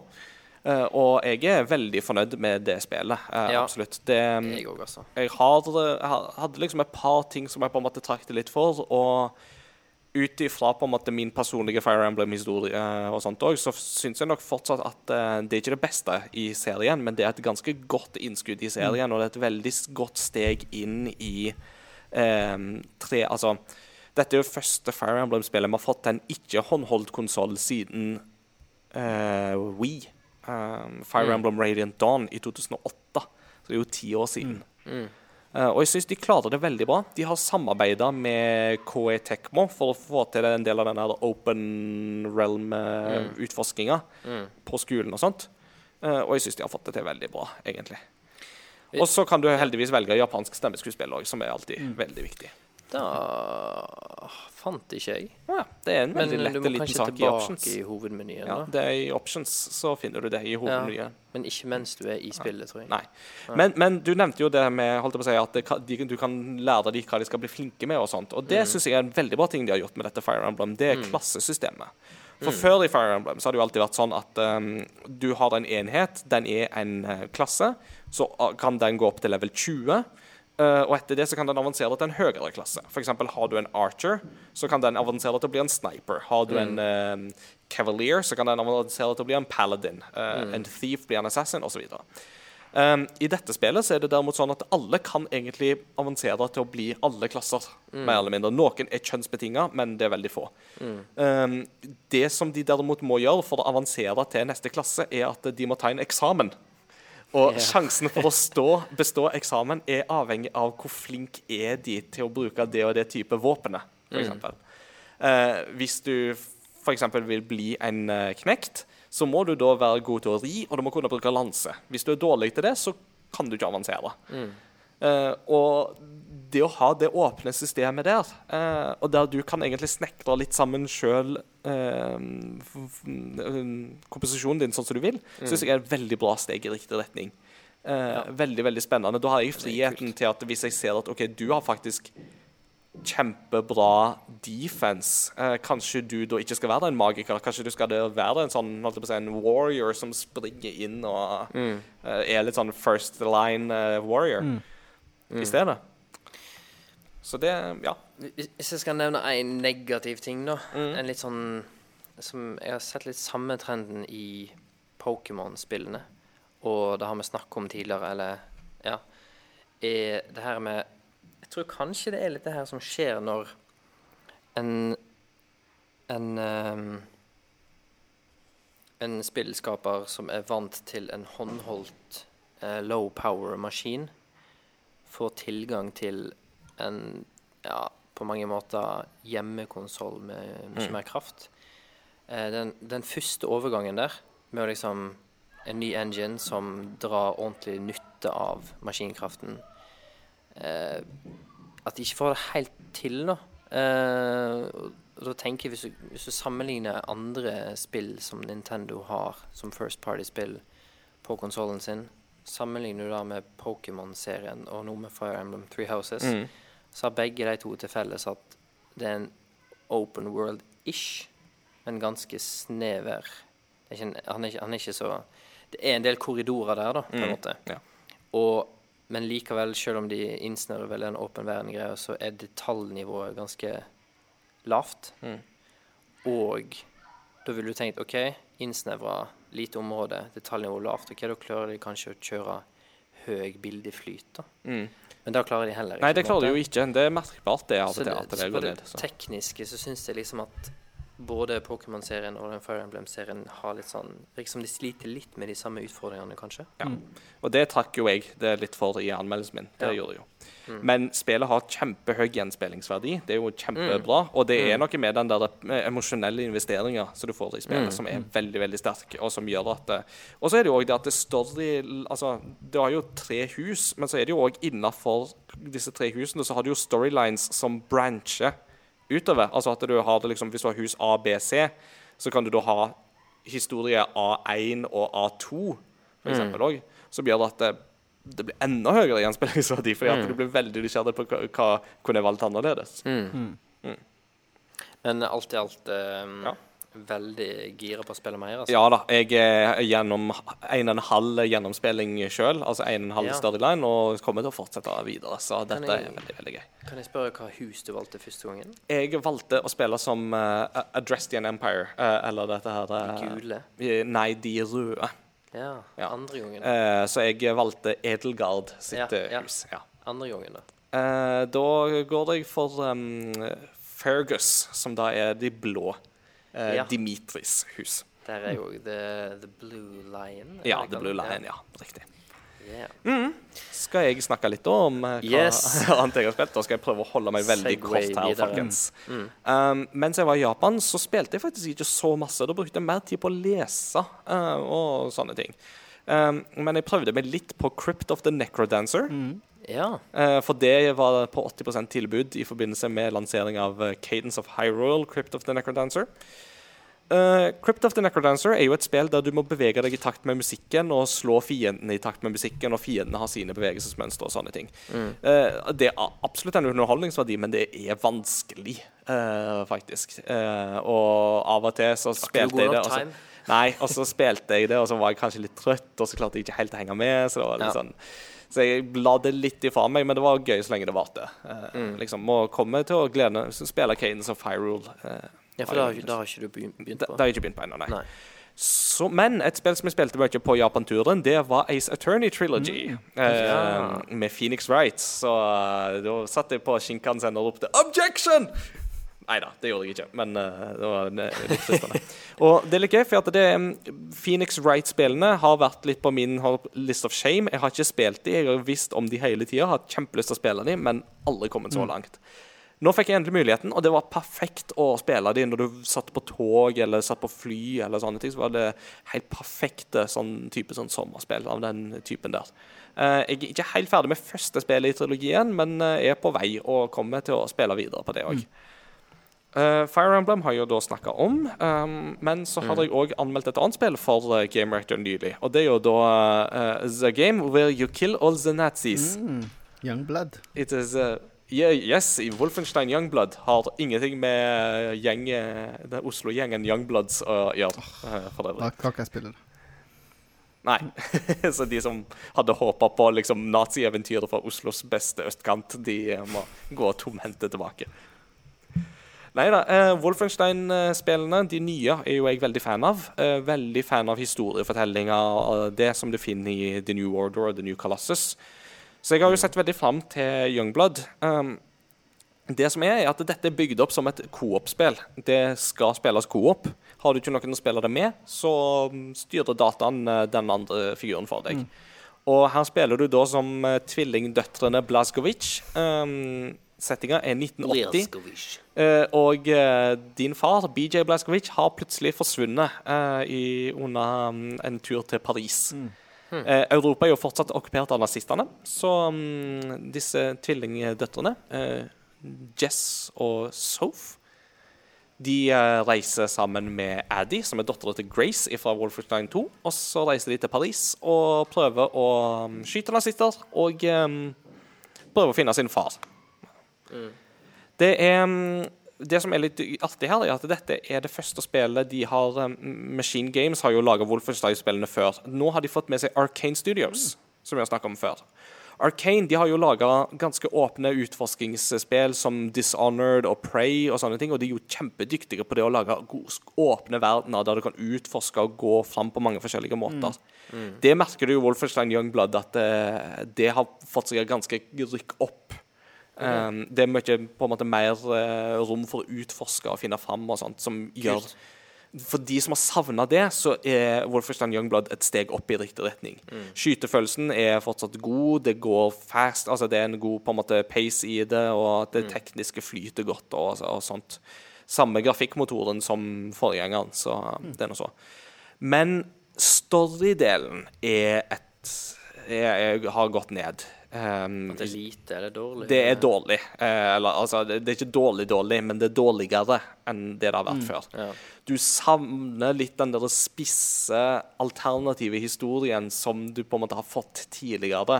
Eh, du, du har liksom ikke den der gode historieskrivinga. Det blir på en måte veldig platt eh, Ja. i forhold til hva du har fått i de tidligere Wolfenstein-spillene. Så det er veldig synd. Eh, jeg tror at litt av hovedproblemet ligger i at du mangler en god skurk denne gangen. At eh, du har jo tidligere hatt Frau Engel, som har vært en fantastisk bra spillskurk. Som ikke er med denne gangen. Eh, og det merkes altså at du mangler litt den der Du mangler rett og slett den, den gode motivasjonen for å skyte nazister, rett og slett. For det har jo vært veldig til stede i de forrige spillene. er jo det at det har på en måte vist nazismen i all sin gru. Mm. det føler du ikke kommer fram denne gangen. Men eh, et lite law-spørsmål her. Ja. For du har spilt de to forrige Ja. i rebooten. Mm, ja. Men hvor mange år er det her etter toeren? Dette er 19 år etter toeren. Det- Toeren finner jo sted i 1961. Nå er du i 1980. Og Men- det som Ja. Nei, for- bare Det egentlige spørsmålet er da eh, Da sier de jo allerede nå at hvis det kommer Wolfenstein 3, som er mellom de to, Mm. så har de fortsatt ikke klart å vinne over nazistene. Nei, det har de da ikke. Uh, og det, Wolfenstein 3 kan bli satt på en måte rett etter dette, eller det kan bli satt uh, i en sånn mellomperiode. Det vet vi ikke. Det gjenstår å se. Nevner de i spillet om, om de på en måte Om nazistene er jaga ut av USA? Det er de, men de er ikke jaga ut av Europa. Så, det er jo okay. det som er settinga her. Så Paris er jo okkupert av nazistene. Ja, for eneren og toeren er det vel hovedsakelig i USA? Nei, i hvert fall toeren. Eneren er i Europa, eh, og toen er i USA.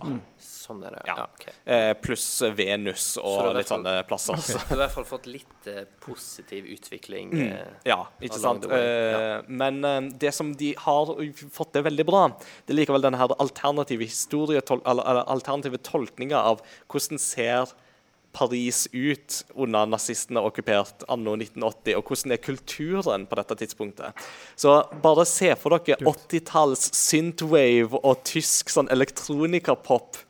Eh, som da bare på en måte blir dratt liksom enda mer inn i en sånn 1980-setting, som jo er Konge.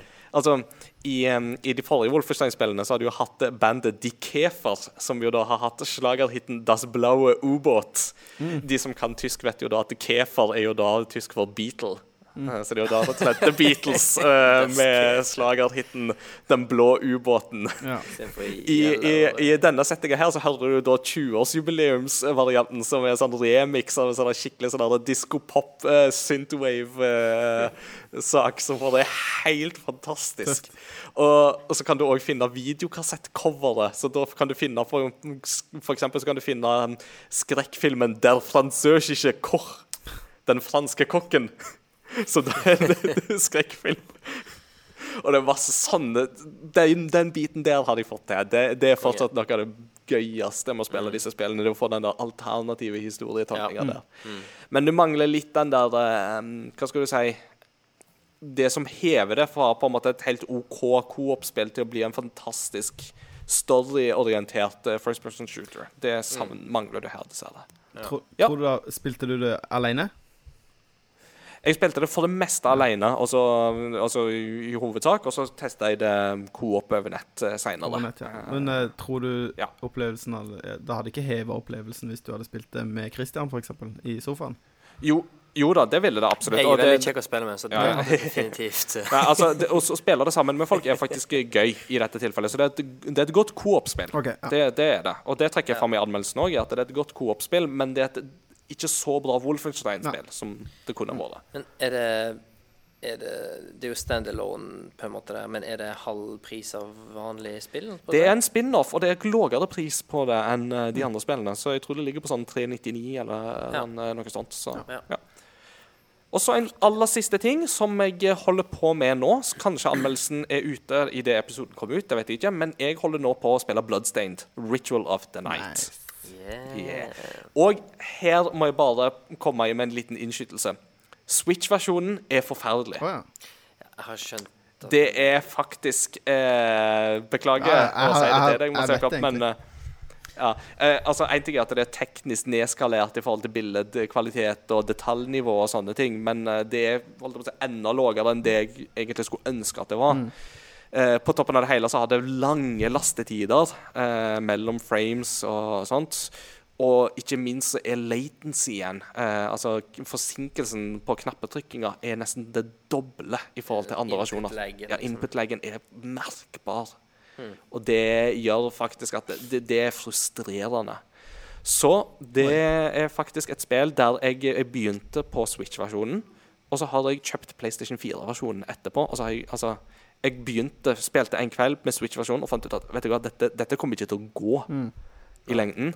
Så kjøpte jeg PlayStation 4-versjonen, og det var virkelig et løfte. altså. Det, da er det så mye bedre. Så kjipt. Så beklager for dere som kun har Switch tilgjengelig, men for dere som har andre plattformer, unngå Switch-versjonen i dette tilfellet her. Eh, Bloodstained, Ritual of the Night, er jo et sånn eh, Castlevania-aktig spill fra en av um, hovedhjernene bak Castlevania Symphony of the Night, som jo er et av de beste spillene i serien. Uh, han er Igarashi, som han heter. Dette er jo et Kickstarter-spill. Um, og det er um, absolutt et sånn um, et slott som skal utforskes. Det er spøkelser og skrømte og monstre som skal bekjempes. Og det er et åpent landskap der du ikke kan utforske alt med en gang, men etter hvert som du åpner flere krefter, så vil du uh, få flere og flere muligheter, flere plasser du kan gå og sånne ting. Og så langt så er det veldig lovende. Det ser helt fantastisk ut på alt annet enn Switch. Uh, altså, det, det er l- lekker design i dette spillet. Det er så nydelig. Eh, og um, veldig gøy. En del sånne gameplay-mekanikker som åpner seg etter hvert, som er veldig veldig gøy. Så dette er et spill jeg koser meg med så langt, eh, og gleder meg til videre. Faktisk et av de få tilfeller, det vil si, folkens, spill det på engelsk istedenfor japansk. Altså, Det japanske stemmeskuespillet er ikke så bra som det engelske, syns jeg. Og det engelske stemmeskuespillet har en bonus. Å. Og det er nemlig det at uh, samuraien Zangetsu har voice-actoren David Hater, Yay. som jeg jo kjenner best som eh, Solid Snake fra Metal Gear Solid-spillene. Yes. Og det var litt sånn, Jeg begynte å spille PlayStation 4-versjonen på engelsk, og så bare kommer han inn, og så var det sånn Get out of my way! Og det var sånn Vent litt. Oi, dette hørtes kjent ut. Og så slo jeg det opp og sa Ja, det er David Hater! Så det var det. Eh, Ja. Var du ferdig? For jeg, jeg kom på et spill mm. som jeg har glemt, som jeg ikke burde ha glemt. Sånn er det når man er Oi. først uh, ut, og det er lenge siden sist vi har snakka om det. Men jeg, jeg spilte et spill som heter uh, Gatto Roboto. Har du hørt om det? ja, det har jeg. Nei. Ja. Det er et uh, indiespill. Uh, spilte på Switch. Det er et Metroidvania, så fint. Det er jo um, det, er, det er jo en blodkopi av Metroid. Men twisten Mm. her er at Se for deg at eh, Samus Aran eh, hun flyr ned og krasjer på planeten. Og så kommer hun seg ikke ut av skipet. Altså det er katten som gjør alt. Så du spiller som en kattepus som finner en sånn uh, mech-suit. Og så er det for eksempel da Katter kan jo ikke gå i vann. Så det at når Nei. du skal under vann, så må du eh, enten få fjerna vannet eller finne en sånn liten katteubåt. Eh, det er veldig søtt, men det, det er Det er spill Altså, det ser ut som et Gameboy-spill. Altså, det er sort og hvitt. Eh, og har Ja, veldig enkel stemmer. grafikk, eh, men helt fantastisk gameplay. Eh, kjempegøye animasjoner, dødskule bosser. Eh, Mm. Eh, og ja, det, det er bare kjempegøy. Eh, og jeg tror ikke det er så fryktelig langt. Jeg har spilt kanskje fire timer og er langt over halvveis. Så det er lagt opp som at ja, det er ikke et 15 timers spill. Nice. Men det er veldig, veldig bra. Så det er absolutt verdt å sjekke ut. Christian? Kult. Cool. Altså, det er jo Det her har jo ingenting med spill å gjøre. Men uh, det er jo um, Destiny at du har spilt det her. For på søndag, altså når vi spiller inn, så er det om tre dager, så får vi oss katt i Oslo. Ny kattepus. Yes, det er da en eh, For de katteinteresserte, kattespesialistene der ute, så er det da en um, En uh, sibirkatt. Så det vil si det er en rasekatt som er allergivennlig. Å, det er jo Så veldig bra. eh, Andreas Ruud, tidligere gjest i podkasten. Han er den jeg kjenner, en eh, god eh, venn og kollega. Han er den jeg kjenner som er absolutt mest allergisk mot katt. Bortsett fra kona mi, da. Ja, kanskje hun er hakket verre. Ja. Så ja, han blir nok prøvekanin på test om den katten virkelig er allergivennlig. Vi òg kan komme på besøk og prøve. Ja. Nice. Gni opp i ansiktet, se om det kommer noen reaksjon der. Ja. Snakk om å gni ting. Skal vi ta oss og gni eh, lytterne våre opp en liten pause? Det, var Ja. en fantastisk dårlig Den uh, Der sikta du høyt og bomma fatalt. Oh, Kids, you tried hard and you failed miserably. The lesson is Don't never try. try. Ja, nei, det var, det var noen som Vi tar en bitte liten Nei, bare Du la opp til din egen Smash og bomma grusomt. Absolutt. Ja. Nei da, vi tar en bitte liten pause, og så er vi straks tilbake. Mm. Og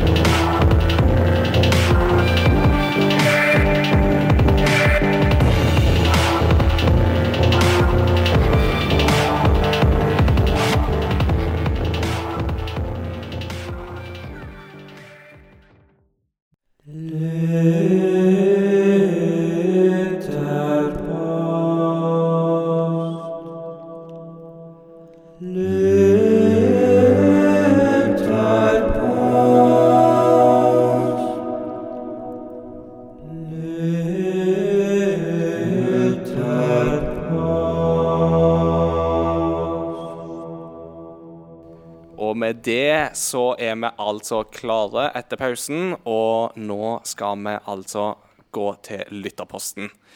Eh, vi tenkte i denne episoden å snakke litt om spillåret som ligger foran oss. Altså resten av spillåret. Nå har vi jo lagt bak oss et halvår. Det har vært veldig mange spennende titler og sånt. og blir veldig gøy å snakke om året som en helhet når vi kommer til desember.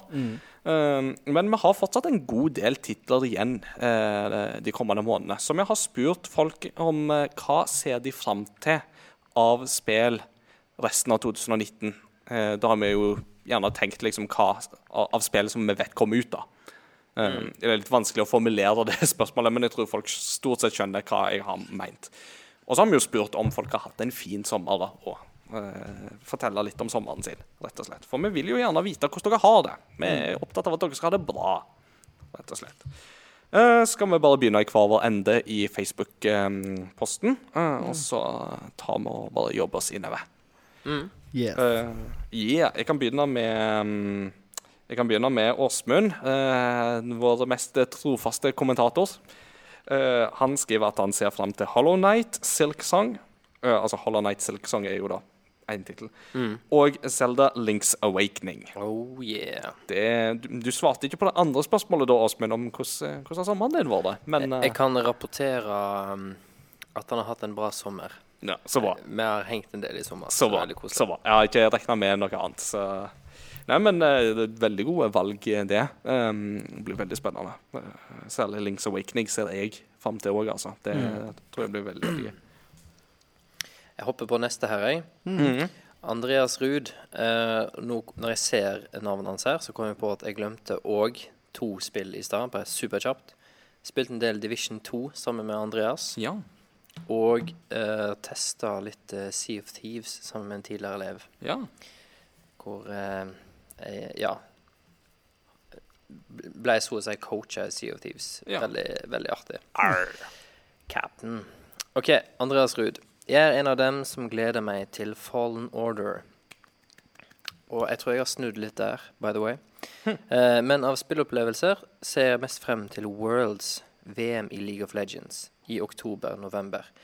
Mot alle odds håper jeg å få tak i billetter, og dermed sette deler av det, sett deler av det live. Kult.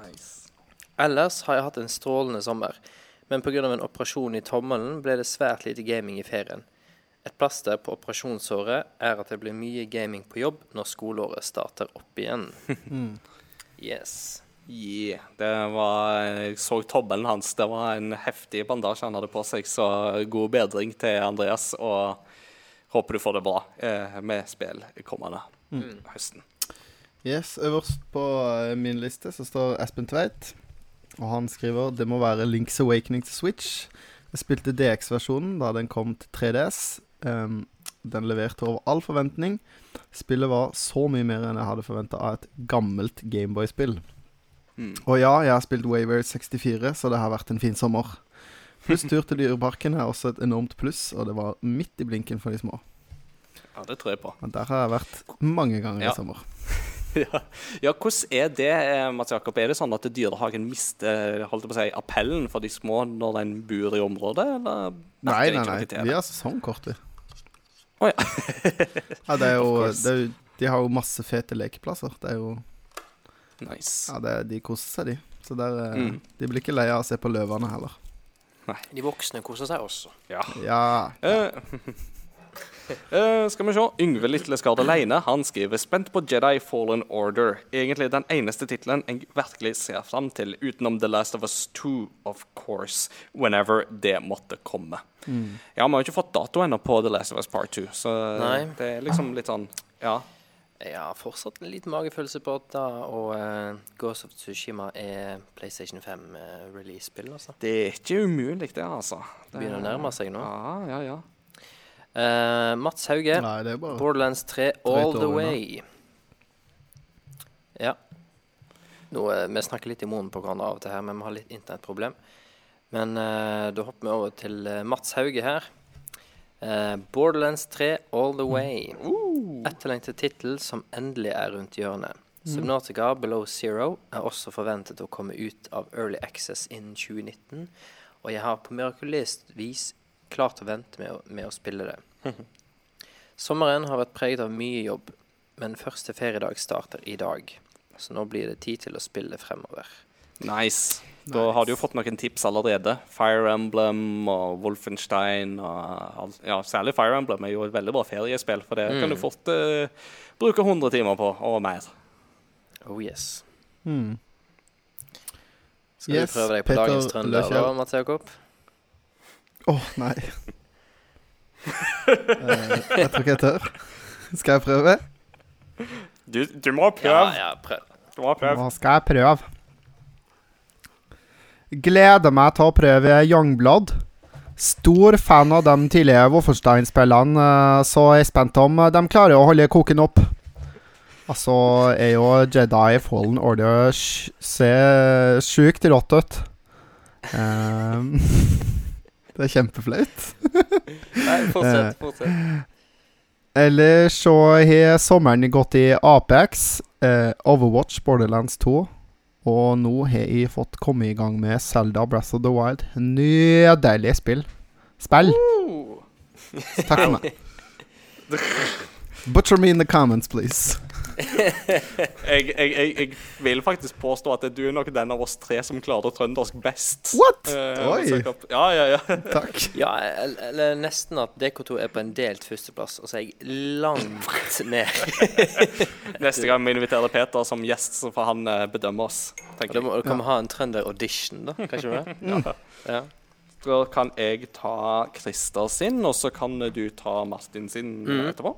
Ja. Eh, Christer skriver at spørsmålet kan tolkes på to måter. Resten av 2019 kommer jeg til å se fram til oppfølgeren til Breath of the Wild, Blunkefjes. Yes. Eh, Christer, det er luringen som påpeker at eh, dette spørsmålet var ikke så lett å formulere uten å definere subjekt og objekt og hele pakka. Ja, ja. Det er Eh, Men slik Ja, akademikere, vet du. Men slik spørsmålet nok var ment, så gleder jeg meg til Borderlands 3, Links Awakening, Pokémon Sword and Shield og Jedi Fallen Order. Jeg koser meg også med Doom 2016 i skrivende stund, så det kan hende jeg prøver meg på Doom Eternal når det kommer. Nice. Ja. Sommeren var som forventet bryllupsreise og litt spilling. Ikke noe Skyrim, og jeg venter ennå på Legacy of the Dragonborn 5. Men jeg fikk kommet gjennom Just Cause 4. Kanskje litt for strømlinjeformet moro. Du har så mye valgfrihet og eksperimenteringsmuligheter at det nesten tar litt av piffen.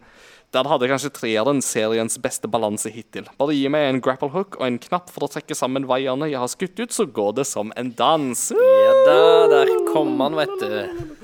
True fan. True fan. Ja, nei, men eh, godt å høre at du koser deg med Doom uh, 2016. Det, I would expect nothing else. Har du spilt Doom i ferien, Ja. Kristian? Uh, ja, jeg lånte jo Doom av deg. Mm. Eh, jeg testa det bitte litt, men jeg har liksom uh, skygga for eh, Fire Emblem veldig fort. Så det var egentlig mest eh, det, en teknisk eh, Performance test. Ja, det var mer at jeg var, jeg var litt sånn nysgjerrig teknisk, for jeg har jo gjennomført spillet før.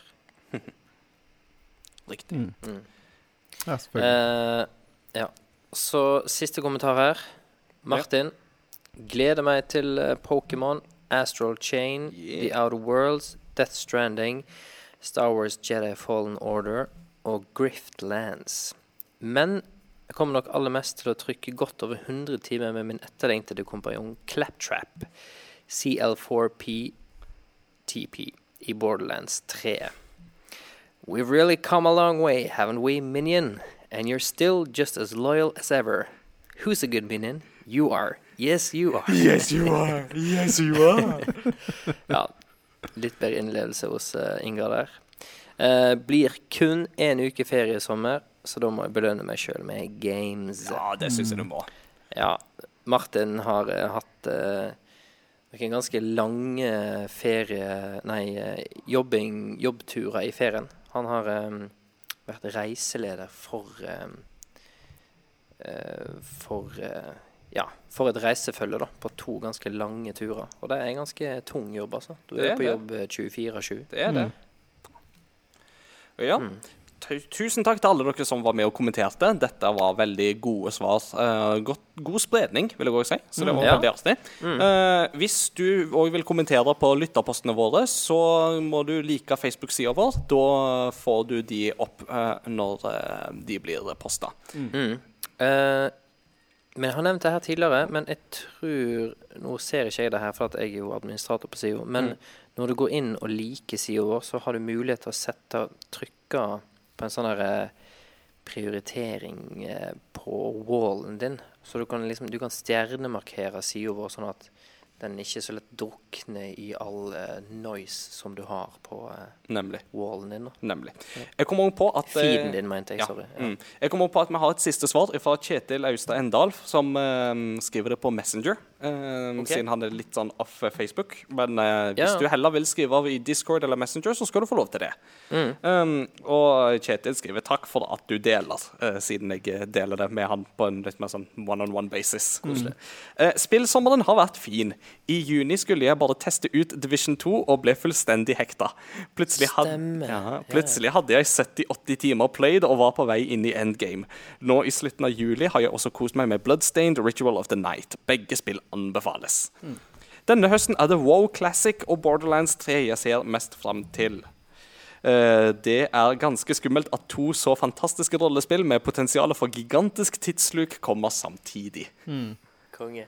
Men en kort uh, historie om Kjetil sin Division 2-karriere der. Ja, for du har vært litt involvert der, har du ikke? Ja, og, og det var jo jeg som Eller jeg snakket litt med Kjetil om, eh, om uh, Han nevnte at han var litt gira. Så sa jeg ja, både jeg og Andreas Ruud, som du kjenner, er gira på å spille litt i sommer. Han bare ja, fett.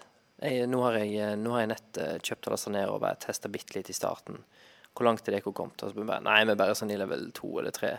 Men den dagen her, neste uke, har vi begge to satt av, for da skal vi game ganske mye.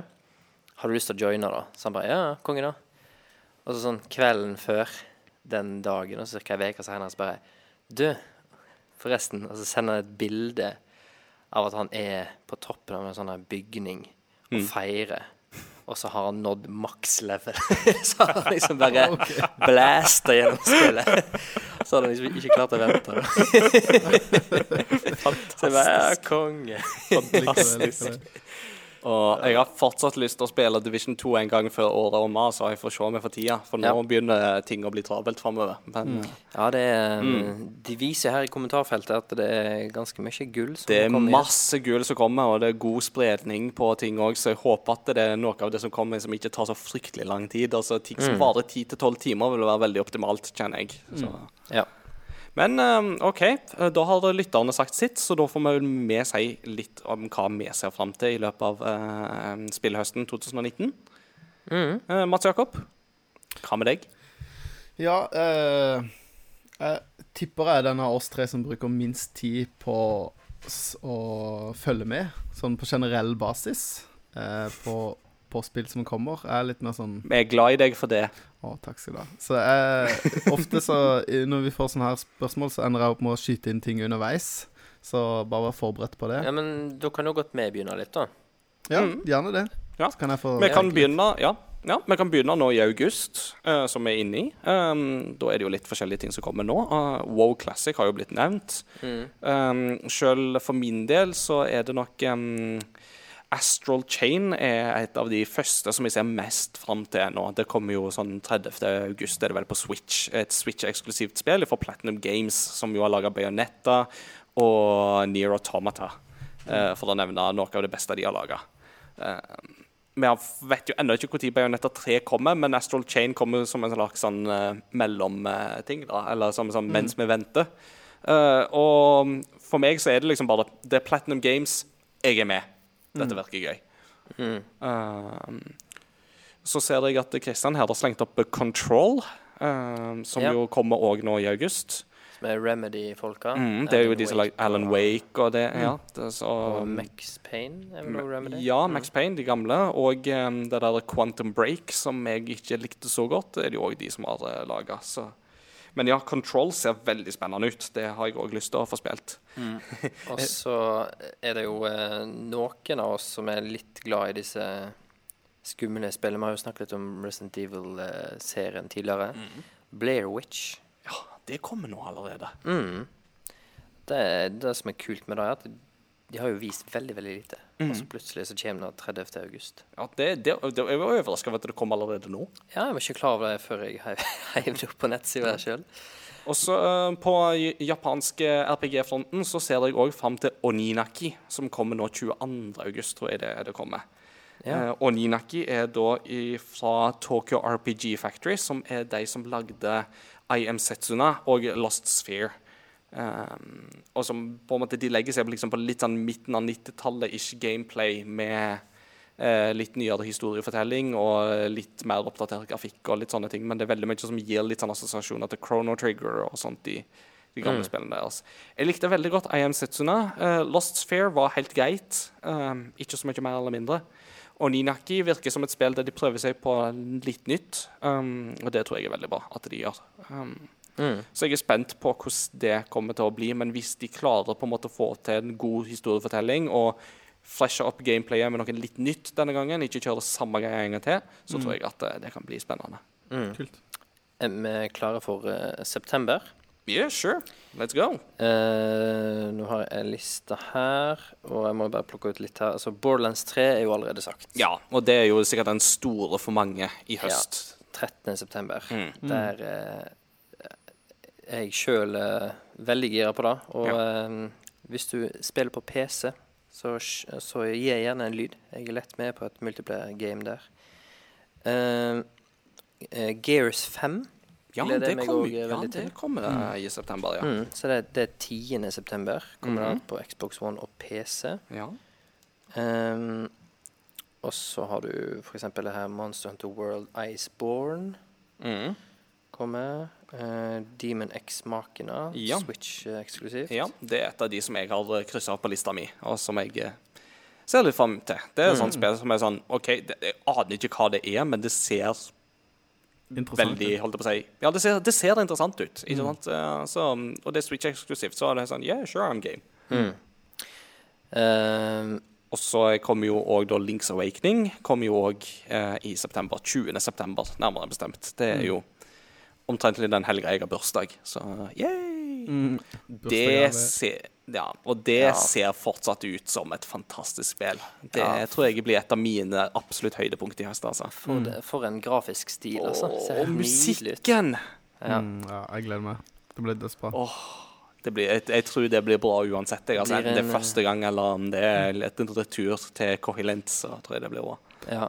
Nå ser jeg på den eh, Jeg ser på en liste her òg, men jeg ser et spill eh, som jeg gleder meg Ja. til å spille, det er Dragon Quest 11. Ja, for det, Det Switch-versjonen kommer jo der. Mm. Dragon Quest 11 da? S. Eh, slutten, altså. 27. september står det her. Ja. Det et spill eh, Jeg gleder meg til å spille. Håper bare det kjører bra.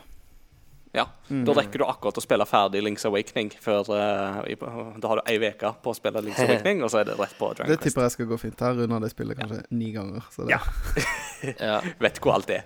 Ja, jeg husker ikke hvor alle de der skjellene men uh, det får bare være. De er jo fine. Eh. det. Blir uh, nå Allerede i oktober her så ser jeg at det blir en dyr høst. Mhm. Eh, 1. oktober, Destiny 2 Shadow Keep. og det er jo en litt sånn spesiell uh, expansion pack, det her. For at det markerer uh, for ordentlig at uh, Bungie tar farvel med Activision. Mhm. Og derav flytter spillet fra Battlenet-launcheren over til Steam. Å ja, de skal det, ja. Ja, og de lanserer cross-saves. Ja. Så i dag, første gangen du starter Shadowkeep, i teorien da, på PC f.eks., så får du opp at du kan velge at OK, vil du, vil du at vi skal liksom samkjøre med saven din på PlayStation Network eller på Xbox Live, eller den du har på PC? Nice. Sammen på de andre konsollene. Så eh, det er ganske digg. Det er. Jeg er i den situasjonen at jeg har spilt hovedsakelig på PlayStation 4. Oppgradert til PC-en, har lyst til å spille på PC. Mm. Og når du da kan hive alt over, så er det gull, da. Ja.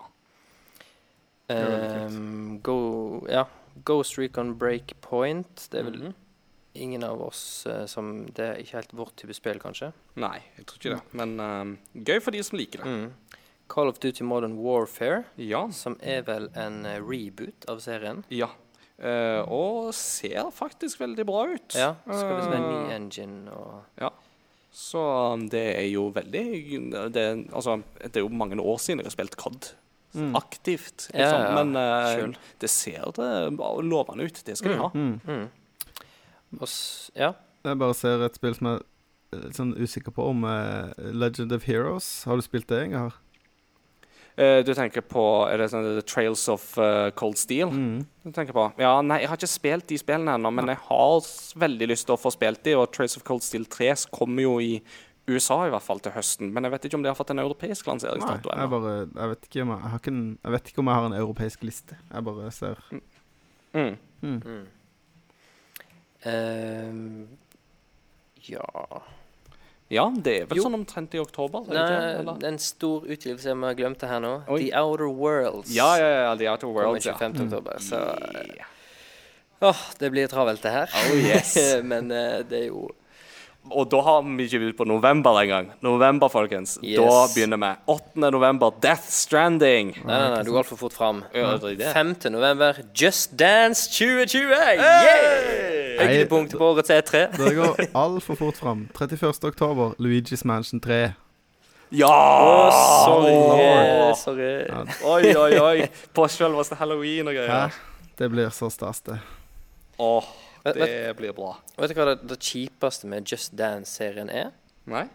Det er at hver gang det blir vist på Som regel da, når det blir vist eh, på E3, Mhm. som det blir hvert år, Mm. så er det enten helt først eller helt til slutt.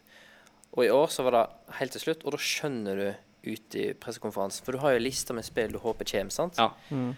Så skjønner du når liksom Beyond Good and Evil 2 eller nytt eh, 3D Rayman-plattformspill Når Just Dance kommer på scenen, så skjønner du Ah, nå er det over. nå fikk jeg ikke det der. Det der. Så du liksom Du begynner Just Dance-dansesekvensen litt sånn bitter og sur. Kan jeg bare Ja. Apropos Just Dance 2020. Det kommer på PlayStation 4, Xbox One, Switch, Stadia og Wii. We. Men ikke Wii U, Nei, så jeg slipper å kjøpe til Det kommer på Wii! Men du, du, du, du, du, du. Jeg, har hørt, eh, jeg har hørt faktisk eh, En av grunnene til at de fortsatt gir ut sånne type spill på Wii, er fordi at det det er så mye brukt eh, på sykehus og sånn rehabiliteringsavdelinger. Ja, og Ja, sånt. det tipper er jeg. det. Eller jeg skjønner jo men- hvorfor de gjør det. Det er bare veldig ja, så, viktig. så det er sånn Ja. Det, det er sånn helse eh, Ja, det, det er helsegrunner til det. Helsefremmende. Men det, men, ja, men det er ganske absurd at eh, Ja. Og speaking of Stadia, så kommer jo det ut òg nå i høst, vet du. Så det er Ja, jo det er vel i eh, september, tror jeg. Ja. September eller oktober. Eh, jeg eh, kom på et spill som òg kom i august, som eh, jeg syns virkelig spennende, men som jeg ikke vet helt ennå. Jeg sitter litt på gjerdet. Og det er det som heter Ancestors. Jeg har ikke sett noe om Ancestors er jo fra Assassin's Creed-utviklerne, der du går en million år eh, tilbake i tid eh, og spiller holdt på å si, litt lenger nede på evolusjonsstigen. Mm. Eh, så det er mer sånn, holdt på å si, sånn ville dyr, og du er type sånn primat. eh, type sånn Altså, du ser det ut som en ape, eh, Ja. så det blir på en måte en slags apeskapning. Uh, For når du sier Assassin's Creed-utviklerne, så er det vel han skaperen bak Assassin's Creed som gjorde da 1, 2 og Brotherhood, tror jeg, ja, riktig. som, eh, som eh, gikk indie, tror jeg det var. Eh, så eh, det kan jo bli kult, da. Eh, skal vi fortsette litt i november her, da?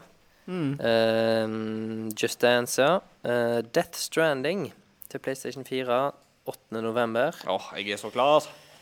Goodbye Money så langt, ser jeg. Ja, og så, bare ei uke etterpå, så blir det dobbelt travelt, for da Jumanji The Video Game, er det den du tenker på? Absolutt. Eh, nei, 15. no- november, da blir det kamp om eh, oppmerksomheten, for da kommer jo både um, Pokémon Sword and Shield og eh, Star Wars Jedi Fallen Order. Oh yeah. Sjøl er ikke jeg i tvil om eh, hva det blir. Det blir Star Wars. Men du sa at du hadde switcha, vippa litt der, Kristian. Ja, og det, det er litt fordi at etter E3 Mm. så ganske sånn her eh, Altså, jeg skjønner fortsatt ikke hvorfor EA behandler Respawn på den måten de gjør. Men uten noe som helst PR, så plutselig lå det ute en eh, lang gameplay-video på sånn over 40 minutter. Mm. Som er på den offisielle YouTube-kanalen Ja. til Respawn og til Jedi Fallen Order. Uten noe som helst PR-pushing. Så bare Oi, OK. Ja. Og da fikk du et helt annet inntrykk av spillet. Mm.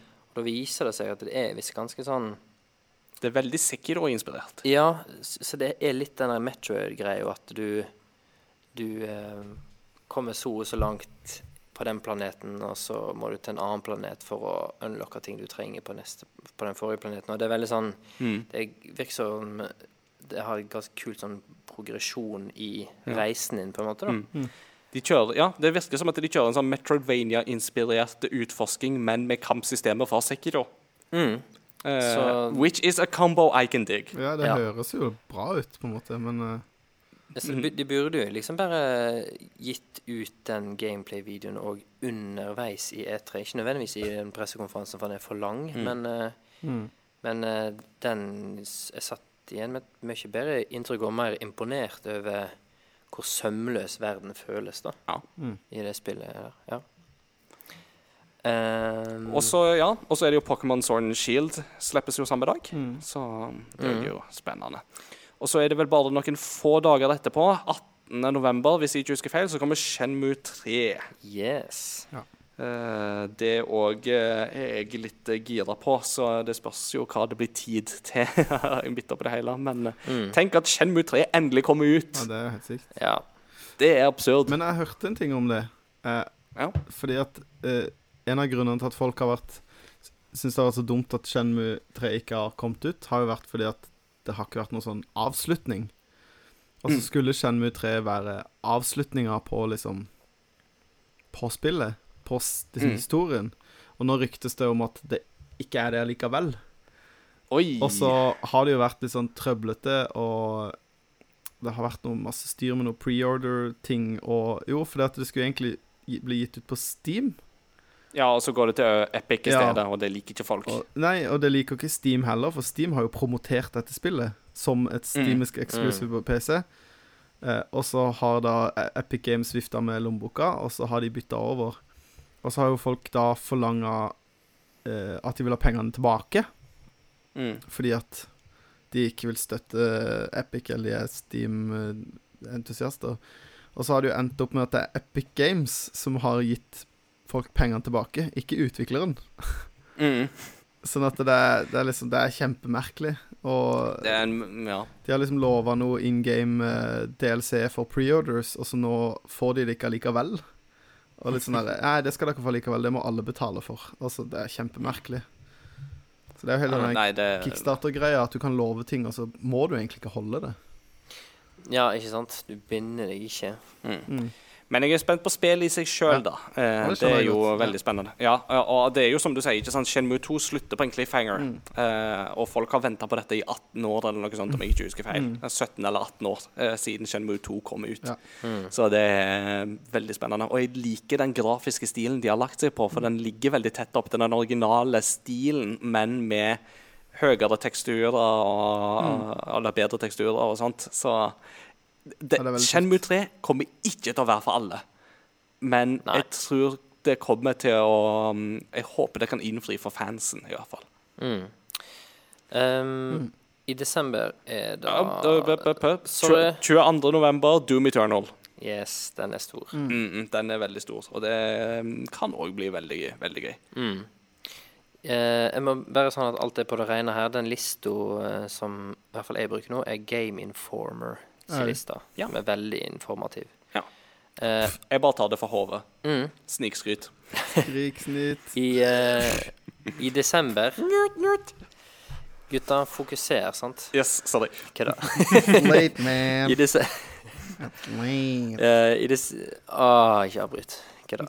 I desember så Så er det ikke så veldig mye som, som kommer. Foreløpig står det bare Life is Strange 2 episode 5. Men det er en ganske lang liste her med To be announced, som likevel hinter til at, veldig sterkt at det skal komme i siste del av 2019, men det har ikke fått en konkret dato ennå. For da er det jo en del spill som Noen spill får en dato bare en måned før, plutselig. Mm.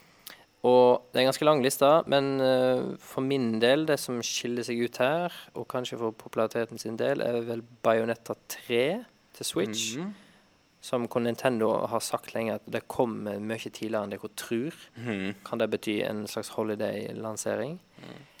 Um, mm, mm, mm, mm. Ukulele and The Impossible Layer. Jeg visste ikke at de holdt over med en oppfølger. Jo, og den er mer sånn 2D-stil, Mm. Ja, så den er mer det. sånn Donkey Kong Country-aktig stil. Ja. Ja, sant, det visste jeg. Og så det som Åsmund nevnte tidligere, Hollow Night Silk Song. Mm. Har vel også bare en sånn 2019-vindu. Eh, John Wick Hex. Ja. Eh, Panzer Ja. Dragoon remake. Gleder jeg meg veldig til. Ja. ja. Ja, ja,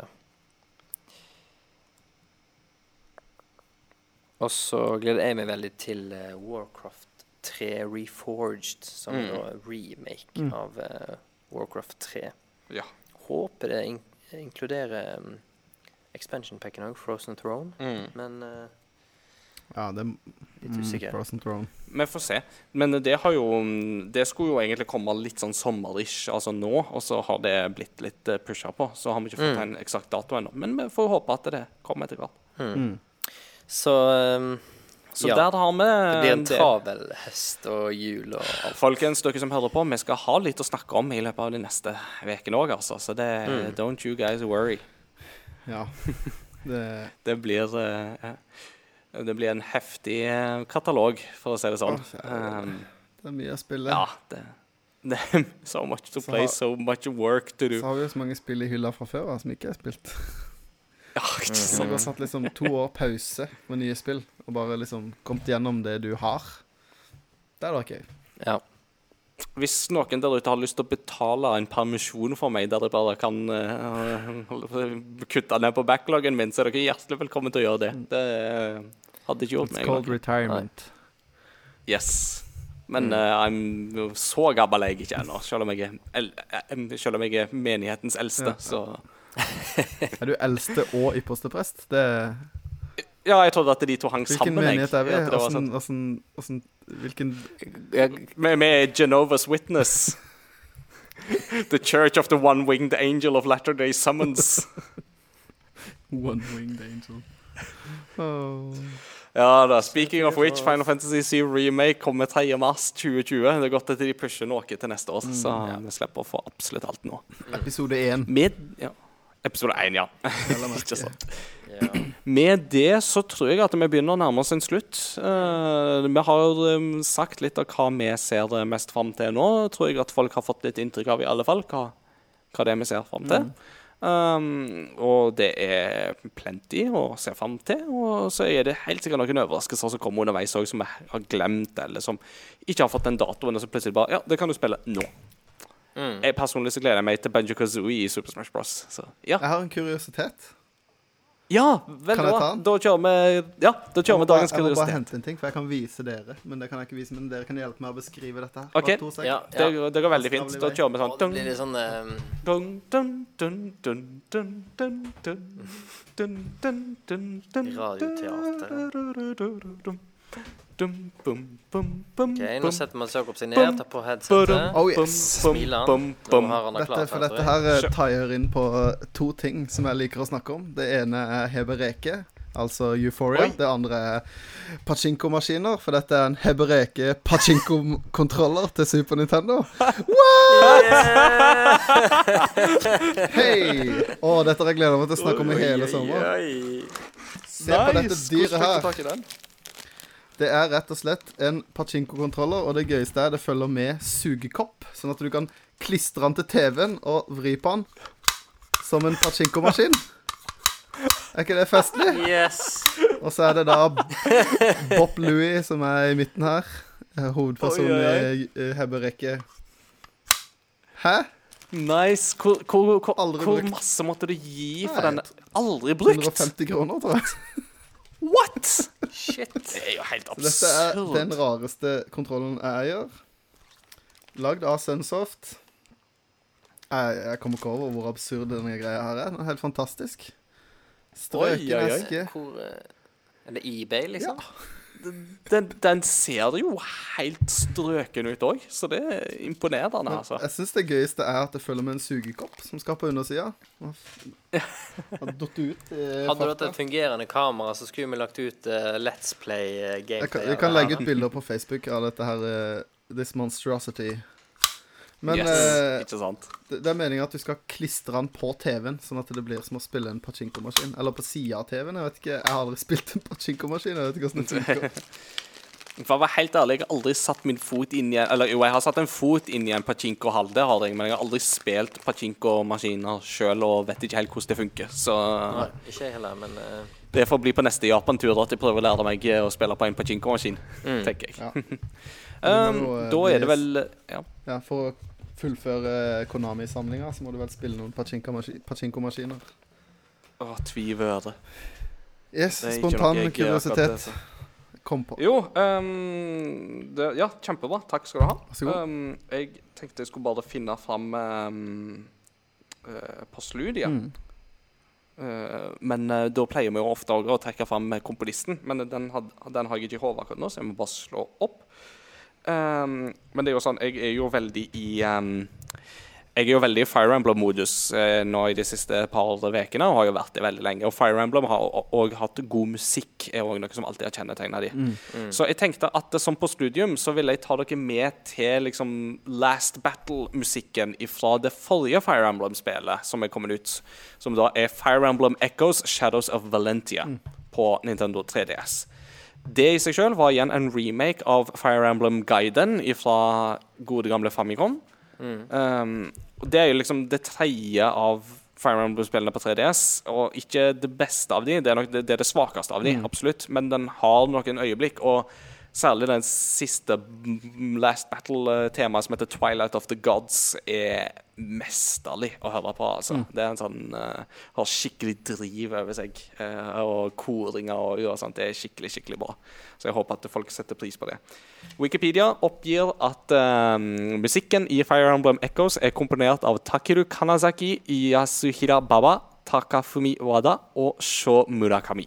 Så en av de fire, eller kanskje alle fire, har vært med på å komponere 'Twilight of the Gods' fra eh, Fire Emblem Echoes, Shadows of Valentia.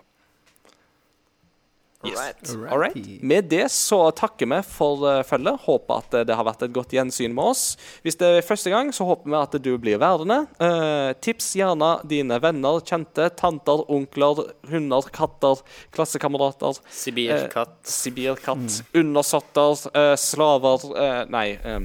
Minions. gamervenner, noobs and pros.